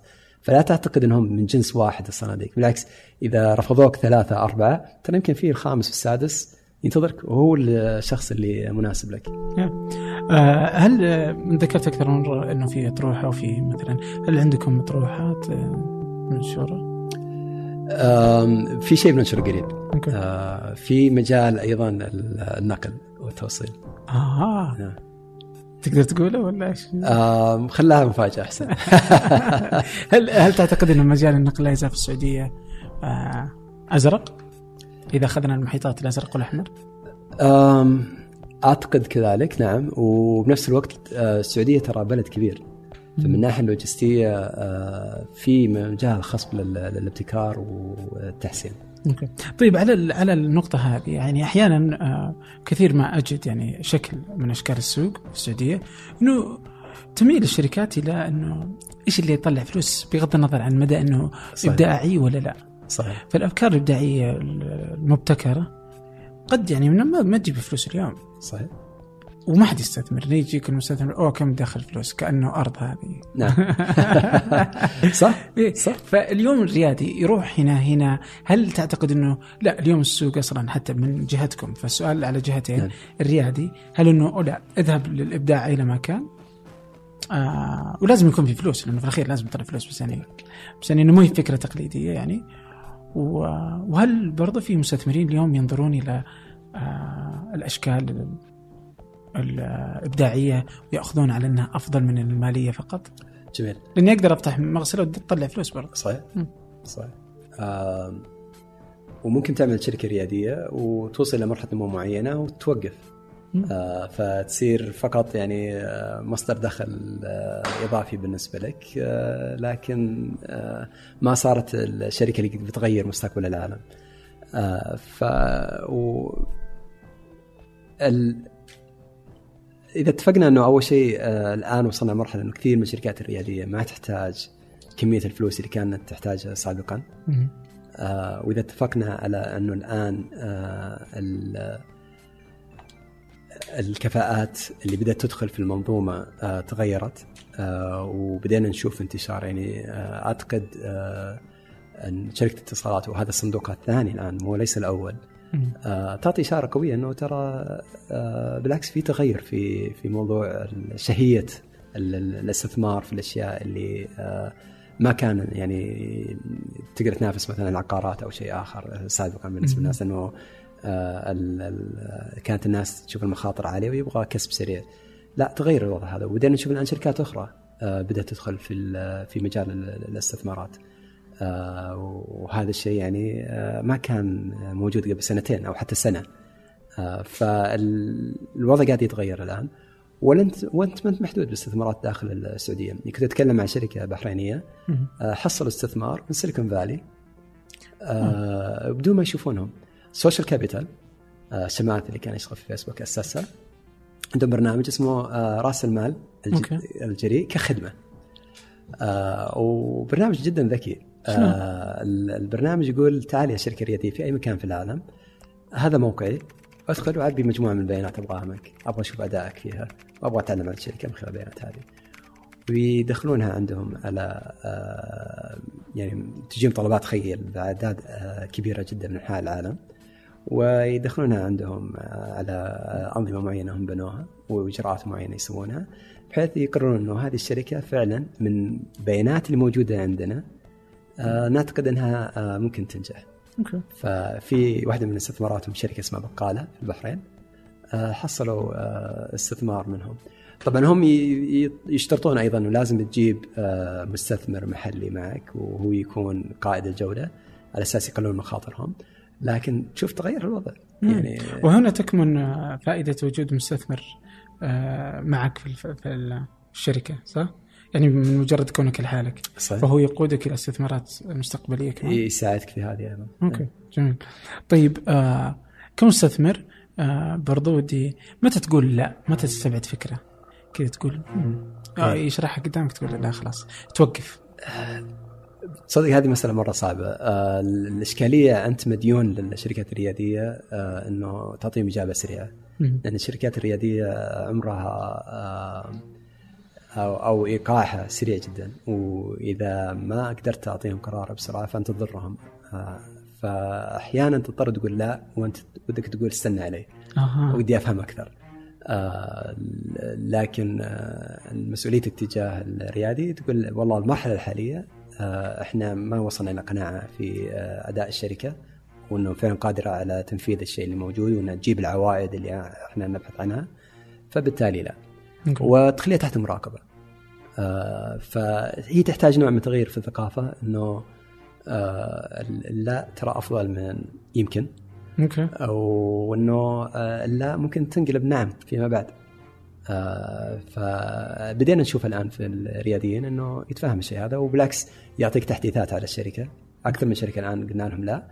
ويرسل لي آه، شهريا أو كل فترة فترة تحديث ويقول شوف أنا الأداء حقنا تعلمها تغير. ليش لا؟ نعلمه. نقول ترى هذه قناعتنا. آه، وممكن هو يختلف معك يقول لا أنا أشوفها بشيء آخر. آه، وأكثرهم يتقبلها بشكل رحب. آه، ويشوفها بالعكس آه، بالنسبة له آه، نقاش. أما إنه يخليه يفكر بالموضوع أكثر ويؤمن بطروحته هو بشكل أكبر. أو إنه يراجع نفسه يقول والله أنا سمعتها من أكثر من مستثمر خليني أشوف يمكن في في شيء مختلف هنا ويغير مع مع الوقت. أوكي طيب آه في شكل من أشكال عدم وجود آه صناديق استثمارية جريئة آه كثيرة في السعودية آه يقال مثلا إنه آه، أنا ليش أستثمر في السوق السعودي ولو إنه في فرص كذلك لكن نعم. ما في طريقه يعني من أساسيات ال- الاستثمار آه هو التخارج. صحيح. فإني أبغى أتخارج. يعني أنا في الأخير مثلا أنت انت عمرك عشر سنوات اللي أبغى أخلص. صحيح. فأنا في السوق السعودي إنه آليات التخارج يعني ضيقة جدا. ومثلا في الولايات المتحدة مثلا إنه إما إنك تدخل البورصه صحيح. أو إنه شركة أخرى تستحوذ عليك. صحيح. اليوم آه، الشركات الناشئة في السعودية يعني أجد إنه يعني شكل دخولها للبورصة يكاد يكون يعني صعب جدا يعني. آه، ولا أدري عن استحالته والاستحواذ قليل شكله في السعودية يعني وحتى وإن كان مثلا اليوم نشهد مثلا من الشركات الكبرى في السعودية إذا أعجبتهم فكرة ولقوا إنه في تطبيق في السعودية جالس يسويه بشكل رهيب إيش يسوون؟ راح يسوون زيه نعم. ما يشترونه فشكل الاستحواذ قليل اليوم آه، هل هذا فعلا مخيف؟ هل في تخارج يعني وهذا مهم وهذا هو يجعل الأيدي والمال يقل؟ إيش الحل؟ هي دورة صح؟ فإذا تعطلت الدورة في أي مرحلة من مراحلها يتعطل الموضوع كله. صح. فالتخارج جزء مهم من الدورة هذه. آه هو إشكالية حاليا. آه ال- إلى الآن ما شفنا قصص نجاح آه كثيرة آه بحيث أنه تشجع الشيء هذا. ولسه ما وصلنا لمرحلة أنه آه أثرت على المراحل اللي قبل. بحيث إنه آه، صار آه، موضوع آه، يسد الناس وينفر الناس من ال- الاستثمارات. لكن تخيل بعد كذا سنة فعلا تبدا أسئلة كثيرة. طيب ليش ما إحنا قاعدين نشوف تخارج الآن؟ وش بنسوي بال- بالموضوع؟ هنا يتطلب مجموعة من التغييرات في العقلية مرة ثانية. العقلية قبل التنظيم قبل أي شيء آخر. عقلية الشركات الكبيرة هنا في السعودية لازم تتغير من إنه أنا بسوي كل شيء بنفسي إلى إنه لا ترى واحدة من وسائل الابتكار إني أستحوذ على الشركات المبتكرة. آه زي ما يصير في أي مكان في آخر في العالم ومن المفارقات إنه نسبة الاستحواذات هنا في المنطقة أغلبها جاية من شركات خارجية خارج المنطقة تستحوذ على شركات محلية. الآن بدينا يعني من كلامي مع مجموعة من الشركات الكبيرة آه بدأت تتغير العقليات هذه. بدأوا يؤمنون إنه طيب خلينا نختبر الشيء هذا. وفي طرق الآن يعني إحنا نحاول آه يعني آه نبشر بها خلينا نقول. أوكي. إنه ترى في طرق إنك تقلل المخاطر ال- ال- ال- الاستحواذ. ليش ما تبدأ تشتغل مع الشركات الريادية كشراكة قبل ال- الاستحواذ؟ آه، اعمل برامج زي مثلا موضوع طرح ال- الشركات الريادية ال request for startups. اعملها يا الشركة في مجالك، أنت عارف المشاكل الموجوده في مجالك وبعضها تحتاج ابتكار تفكير بطريقه مختلفة بحيث إنه تحل ال- الإشكالية تحسن 10 اضعاف أو أكثر. افتحها. وتعال يا شركات ريادية أنا بعطيكم وصول الوصول اللي عندي وبعطيكم شرح لل- للمشكلة واثبت لي إنك تقدر تحلها. الكفاءات هذه موجودة. ويجون بعضهم وفعلا ممكن يقنعونك فيها ويبدون يورونك إياها وتشتغلون مع بعض كذا سنة. الآن تأكدت منهم ومن مناسبتهم لك ممكن تستحوذ عليهم. وهذا أفضل لل- للطرفين. فهذه إحنا إن شاء الله يعني متفائلين وبدأنا نشوفها سواء إحنا يعني آه، تكلمنا فيها أو غيرنا يعني قاعد يتكلم فيها. وحتى مثلا شركة اتصالات من الأشياء اللي عملوها في الصندوق قالوا إحنا نبغى ناخذ حق شراء حصصكم في أي شركة تعجبنا من الشركات اللي استثمرتوا فيها بقيمتها السوقية. فحتى بالنسبة لشركة الاتصالات تنظر للصندوق إنه مو مجرد آه، آه، وسيلة للعوائد المالية، إنه لا وسيلة أيضا للاستحواذ على الابتكار اللي موجود في ال- في المنظومة. وبالعكس أنت الآن لأنك استثمرت فيه نسبة آه، نسبة أقلية واعطيته وصول الأصول اللي موجود عندك وأثبت إنه الأصول هذه عمل منها قيمة كبيرة. نسبة المخاطر الحين الاستحواذ قليل. جدا. مم. فصار من السهل إنك تقنع الناس الباقيين إنه نعم هذا الاستحواذ آه، شيء منطقي. بالعكس هو أفضل خيار لنا. خلينا نسويها. فأتوقع مع الانتشار الاستثمار اللي قاعد يصير في المراحل المبكرة مع دخول الكفاءات اللي إحنا قلنا بالمحيط الأزرق هذا اللي اللي ما كان كانوا مترددين إنهم يدخلون في المنظومة الريادية آه، أتوقع هذه كلها بتغير من ال- الحسبة عند الشركات الكبيرة ونبدأ نشوف آه، عملية ال- الاستحواذات آه، بشكل أكبر. حتى الآن اندماجات بين الشركات الريادية نفسها آه صح يعني مثلا كريم عملت أكثر من استحواذ سابق. آه، شركات أحيانا اندماجات تصير بين شركات آه، صغيرة آه، نسبيا بدوا يعملونها.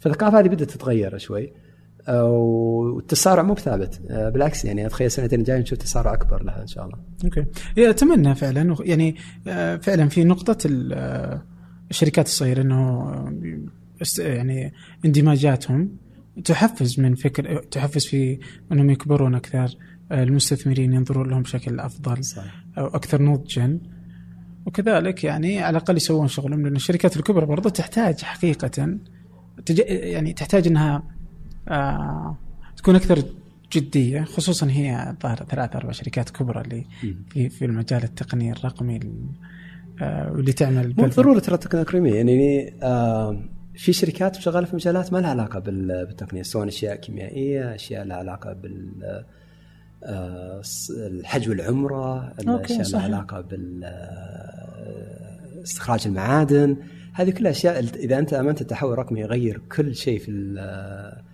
في مناحي الحياة آه بالعكس يعني مثلا الذكاء الصناعي تطبيقاته في آه، استخراج المعادن آه كبيرة جدا صح؟ آه فممكن آه، تغير نموذج العمل آه، الشركات اللي شغالة في المجال هذا بشكل كبير، أرامكو ممكن تستفيد مثلا، معادن ممكن تستفيد. سابق كذلك السابق أو فعلا والله يعني والشركات الثانية اللي جالسة تسوي شغل يعني يجب ان كذا إنه واحدة ثنتين ثلاثة بس استحواذات تنجح قصص نجاح اي اي بس نحتاج قصتين ثلاثة صحيح. يعني في صحيح. استحواذات آه، وتغير السوق آه، يصير موضوع معدي. إيه معدي. نعم. وأهلا بتلك العدوى. يعني. آه فجميل يعني نقول نقول يا رب آه إنه يتحسن. هذا السوق حي حيجعل من آه الاقتصاد يعني الاقتصاد يعني ينمو بمثل هذا السوق. يعني اليوم كاليفورنيا آه تعتمد على الشركات الكبرى والتقنية واللي بدأت كشركات ناشئة. آه واليوم أصبح اقتصاد كاليفورنيا لحالها أكبر من اقتصادات دول عظمى كفرنسا صحيح، وبريطانيا. صحيح آه، مجتمعة حتى. فهذا يعني يعطي آه، انعكاس آه، نض- نضج السوق. اليوم ليش بنقطة ثانية قول. هنا. آه في أيضا شيء ثاني يحتاجه السوق عشان يت- يتم الموضوع. آه العلاقة بين ال- الحكومة والمنظومة الريادية. مم. آه يعني أحيانا شيء بسيط وقديم ويمكن ممل اللي هو مثلا نظام المشتريات الحكومية. أوكي.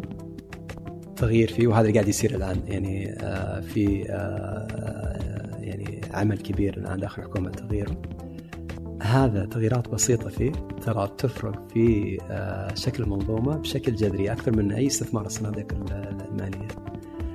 لما تطالع مثلا بدايات سيليكون فالي أغلب المشاريع اللي كانت موجودة ترى مشاريع عسكرية.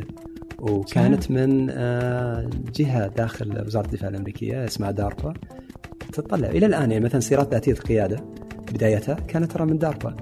وكان في سباقات يعملونها. شاركت فيها جوجل وفرق من ستانفورد. هذول الفرق اللي شاركوا في السباقات حق الداربا طلعوا اسسوا بعض الشركات وانضموا للشركات الكبيرة زي جوجل وغيرهم. آه، فالآن يعني تخيل مثلا آه، نيوم أو القبديه يبدون الآن مع التغييرات اللي قاعدة تصير آه، يقولون لا في مشاريع نبغى نحجزها للشركات ال- اللي فعلا تجي آه، بطريقة مبتكرة آه، وهذه آه، غيرنا الآن نظام المشتريات بحيث إنه فعلا تقدر تنافس ال- الشركات الكبيرة الشركات التقليدية في تقديم حلولهم لأنه فعلاً. الأيام تتطلب حلول مبتكرة صح؟ فالآن فجأة صار عندها تدفق مالي كبير الشركات الرياديه وصارت تشتغل على مشاكل كبيرة. فتحنا الآن مجال ما كان موجود. آه، بدل ما كلهم يتنافسون في على مشكلتين ثلاث أربع عشر لا الآن نوعية المشاكل وحجمها صار كبير جدا. وشهيه المستثمرين كبرت. يقول أوكي الآن هذه الآن عندها تدفق مالي جيد. آه، فبالتالي حجم المخاطرة آه، أقل صار بالنسبة لي. والسوق واضح مثلا. والمستوى اللي أنا اي والمستوى اللي أنا قاعد أستثمر فيه أكبر بكثير. غير ال- الأشياء غير المباشرة اللي ممكن تصير من دخول الشركات هذه على المشاريع اللي التأثير العواقب اللي تجي بالدرجة الثانية أو الثالثة من من الشيء هذا. صحيح. وممكن هذا يحفز الناس اللي أنت ذكرتهم في البداية اللي إنه هو مرتاح في وظيفة براتب عالي اللي يخليه يطلع يقول أوه طيب هذه المشكلة أنا أقدر أحلها. بالضبط. وبما إني حتى يعني ممكن يصير آه يعني كذا كمثلا ex bankers ولا موظفين في البنوك السابقين صح. يقدر يجي يعطينا تطبيق جديد صح مختلف لأنه فاهم السوق أكثر من أي أحد ثاني. وحتى الآن بدينا نشوف يعني علامات لها يعني مثلا الشركات الإعلام الرقمي. آه، واحد من أكبر العملاء لها الجهات الحكومية وهذا يعني غير كثير في قدرتها ان تنافس اللاعبين التقليديين اللي كان عندهم احتكار على السوق وغير المعادله تماما بالنسبة للمعلنين. وبدوا يدخلون القطاع الخاص يقول لا أنا أبغاك أبغى أشتغل معك أيضا. آه. بدوا يتركون وتشوف الآن اللاعبين التقليديين بدوا يستثمرون أيضا الشركات هذه عشان يضمنون لهم مكان في المستقبل. وفعلا يعني اليوم يعني والسعودي يعرف يعني يعني يعني لا لا يعرف أصلا بأنه تقليدي أو كذا لا عنده روح الابتكار يعني. فعنده روح الابتكار فليش لا؟ يعني نقدر نستثمر في هذا الفكرة. يعني واحد من أكبر المستفيدين آه، من آه، الحج والعمرة آه، الآن المنتجات الصينية. إي والله صح؟ آه. يعني المصانع الصينية هذه. هذا مجال خصب إنه الآن السعودي يقول لا أنا أفهم وش يحتاجون الناس. هذا مجال إحنا فيه من أكثر من 2000 سنة. مم. آه ف مجال خصب والناس تبحث عن آه تجربة لما تجي لمكة ولا المدينة مو مجرد إنه والله أبغى أشتري آه بضاعة معينة. وحتى البضاعات اللي ممكن تكون حتى كذا اللي صنع في مكة غيرها عن صنع في الصين. صح. آخذ هدية. واوديها أرجع فيها لماليزيا لها قيمة، ومكتوب. إيه، معنوية كبيرة. إيه. لا الآن تلقاها صنع في الصين. الصين، طيب نعم. اشتريها من الصين وخلاص. يعني فيعني صح. فالمجال مجال مرة خصب و يعني ال- لما تفكر وش اللي ممكن يصير مع تغييرات طفيفة ما لها علاقة بال- بالفلوس. مم. يعني المشكلة إحنا آه، ركزنا كثير على موضوع الفلوس. اعمل التغييرات الأخرى آه، حتى لو كانت تغييرات بسيطة وتشوف ال ال المشاكل هذه اللي نتكلم عنها تبدأ تنحل من نفسها. وأتمنى والله أنكم تطلعون قائمة يعني بالأشياء اللي آه، يعني ومع الوقت اللي بالمصادر اللي تملكها STC أنكم تقدرون تعرفون وين الاحتياجات يعني دون أدنى شك وتطلعونها أتوقع إن الناس بتبدأ تجيكم يعني يقول إذا أنا سويتها. وهذه النية إن شاء الله. يعني أرجوك. الآن آه، إحنا قلنا مع دخولنا على ما آه، يعني إنه فهمنا إنه لازم إحنا يكون لنا دور في تحفيز المراحل المبكرة. آه، بنطلع قائمه إن شاء الله من الفرص ال- أو عفوا ال request for startups طلب الشركات الريادية. نقول ترى هذه المشاكل في المجالات اللي إحنا قاعدين نشوفها. مين يقدر يثبت لنا إنه يقدر يحلها؟ لكن أيضا ترى يعني لازم نرجع موضوع المشاكل. آه، أحيانا كثيره نلوم المشاكل على الاستثمارات وهي فعلا تحتاج استثمارات بس مو من صندوق رأس المال الجريء. لما نتكلم عن فكرة هذا مو برأس مال الجريء. ال- الفكرة بالذات أبحاث وتطوير تيجي استثماراتها في اماكن أخرى. مم. يعني لما تطالع الآيفون وتفك الآيفون الشاشة على المعالج اللي يشبك على البرج على رقائق الذاكرة. هذه ابل ما طورتها. هذه طورت في مراحل سابقة من مشاريع أخرى. كانت بعضها مثلا مشاريع عسكرية. كانت بعضها مشاريع لها علاقة في ال- ال- الجهات العلمية الأكاديمية اللي موجودة في الجامعات. Apple اللي سوته قالت الآن صار الوقت مناسب إني أجمع هذه الأشياء وأطورها إلى شيء قابل لل- للتسويق. كهاتف. آه، صحيح؟ وهذا اللي عملوه فلو إحنا قلنا لا يا Apple أنت اللي لازم تطور كل هالعناصر بنفسك. آه، كان فلست Apple قبل ما طلع ال iPhone. صح. فلازم ندرك إنه في أشياء كثيرة إحنا كمستثمرين راس مال جريء آه، ما نقدر نعملها. هذه لازم تجي في مراحل قبل. ونشوف الاستثمارات فيها وتنظيمات ال- اللازمة لها. في أشياء تجي فيما بعد استثمارات رأس المال الجريء اللي هي موضوع التخارج. آه، علشان فعلا الدور اللي قاعد يسويه رأس المال الجريء آه، يمشي بالشكل الصحيح. فعلا. يعني هو تعقيبا على كلامك إنه آه، كمية المال اللي تصرفه في وزارة الدفاع الأمريكية في الأبحاث يعني ضخم جدا الظاهر إنه يعادل ما تصرفه شركات التقنية الكبرى في أمريكا يعني بالمليارات يعني. فهذا يدعم هذا ومن ثم تظهر هذه الأشكال. سؤال أخير. سؤال أخير. سؤال أخير. اليوم الشركات الصينية تغزو العالم. الشركات الأمريكية برضو تغزو العالم.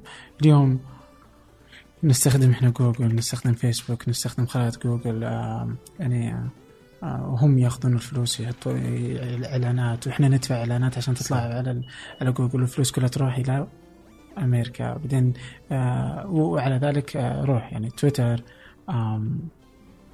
في الصين يعني تطبيقاتهم WeChat مدري شو اليابان عندهم LINE وغيره LINE Pay Apple Pay إذا دخلت السوق Visa MasterCard يعني كثير من التطبيقات وجل التطبيقات اليوم والأدوات اللي نستخدمها هي من الخارج.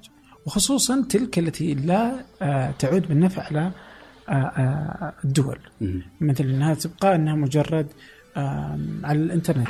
مثلا لو قلنا أجهزة اللي ممكن تكون مصنع هنا مبيعات تفتح متاجر المواطنين يشتغلون. أوكي نفهمه. بس هذه اللي تعتمد على الإنترنت مثل الشبكات الاجتماعية والاتصالات و- نعم. وهذه.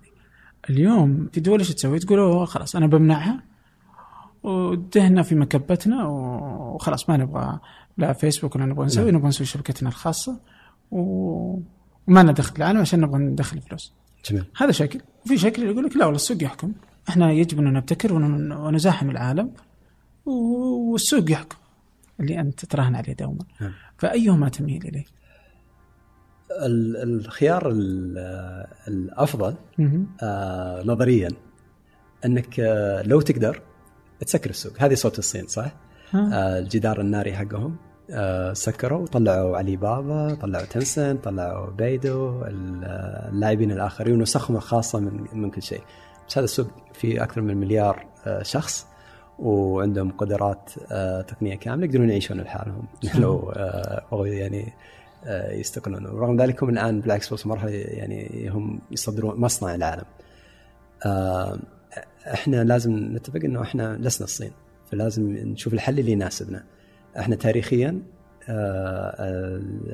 كنا يعني من اسياد التجارة العالمية وصلنا إلى شواطئ إندونيسيا وصلنا إلى أوروبا إلى إسبانيا وحجم السوق بحد ذاته يحكم علينا أنه بالعكس الانفتاح الهجوم خير وسيلة للدفاع, في الحالة هذه.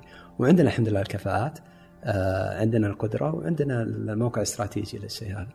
آه، فالافضل أنك تحاول تنافس العالم. آه، سنغافورة والدول الاسكندنافيه أثبتوا إنه ممكن يعني السويد عدد سكانها أقل بكثير مننا. ورغم ذلك طلعوا يعني مجموعة من الشركات الرياديه من ضمنها يعني أشياء إحنا نستخدمها هنا في السعودية. سنغافورة أجبروا أوبر إنه على اندماج في جراب. فميزه التقنية آه، إنها آه، آه، ما تعترف بالحدود. وما تعترف من اللي يطلعها. ممكن أي شخص يجي وينافس فيها. والآن بدأنا نشوف شركات السعودية بدأت تطلع على الدول المجاورة وينافسون بشكل قوي. فما في أي شيء يمنع إنه إحنا يعني نواجه الغزو الصيني هذا بغزو أفضل وأكثر فهم له. آه، إحنا عندنا ميزة يمكن فعلا إلى الآن ما ما استغليناها بالشكل الكامل مرة ثانية آه، الحج والعمره كمية الناس اللي تيجي من الدول الأخرى إلى السعودية وبعدين يرجعون إلى بلدانهم هذه فرصة ممكن تستغل بشكل كبير ل آه، مثلا في حلول التقنية المالية في حلول الاتصالات في حلول الاقتصاد التشاركي للناس كيف يتحركون كيف يسكنون آه، كيف يطلبون في آه، التعرف على البايو آه، المجس يعني ما أدري اللغة العربية البصمة العيون الأشياء الثانية. فوجودنا في يعني حول الهند والصين حول أفريقيا حول أوروبا الأشياء الباقية. ممكن نقدم أشياء كثيرة. فعلا تضعنا على الخريطة في في العالم والله فعلا يعني. وفي شيء ثاني يعني إحنا أيضا من أكثر الشعوب اللي آه، عندها آه، آه، عندها معرفة بباقي العالم. يعني لما تشوف كمية ال ال السياحه اللي يعملونها السعوديين على دول العالم في ما قد رحت أنا دولة ما لقيت فيها سعوديين.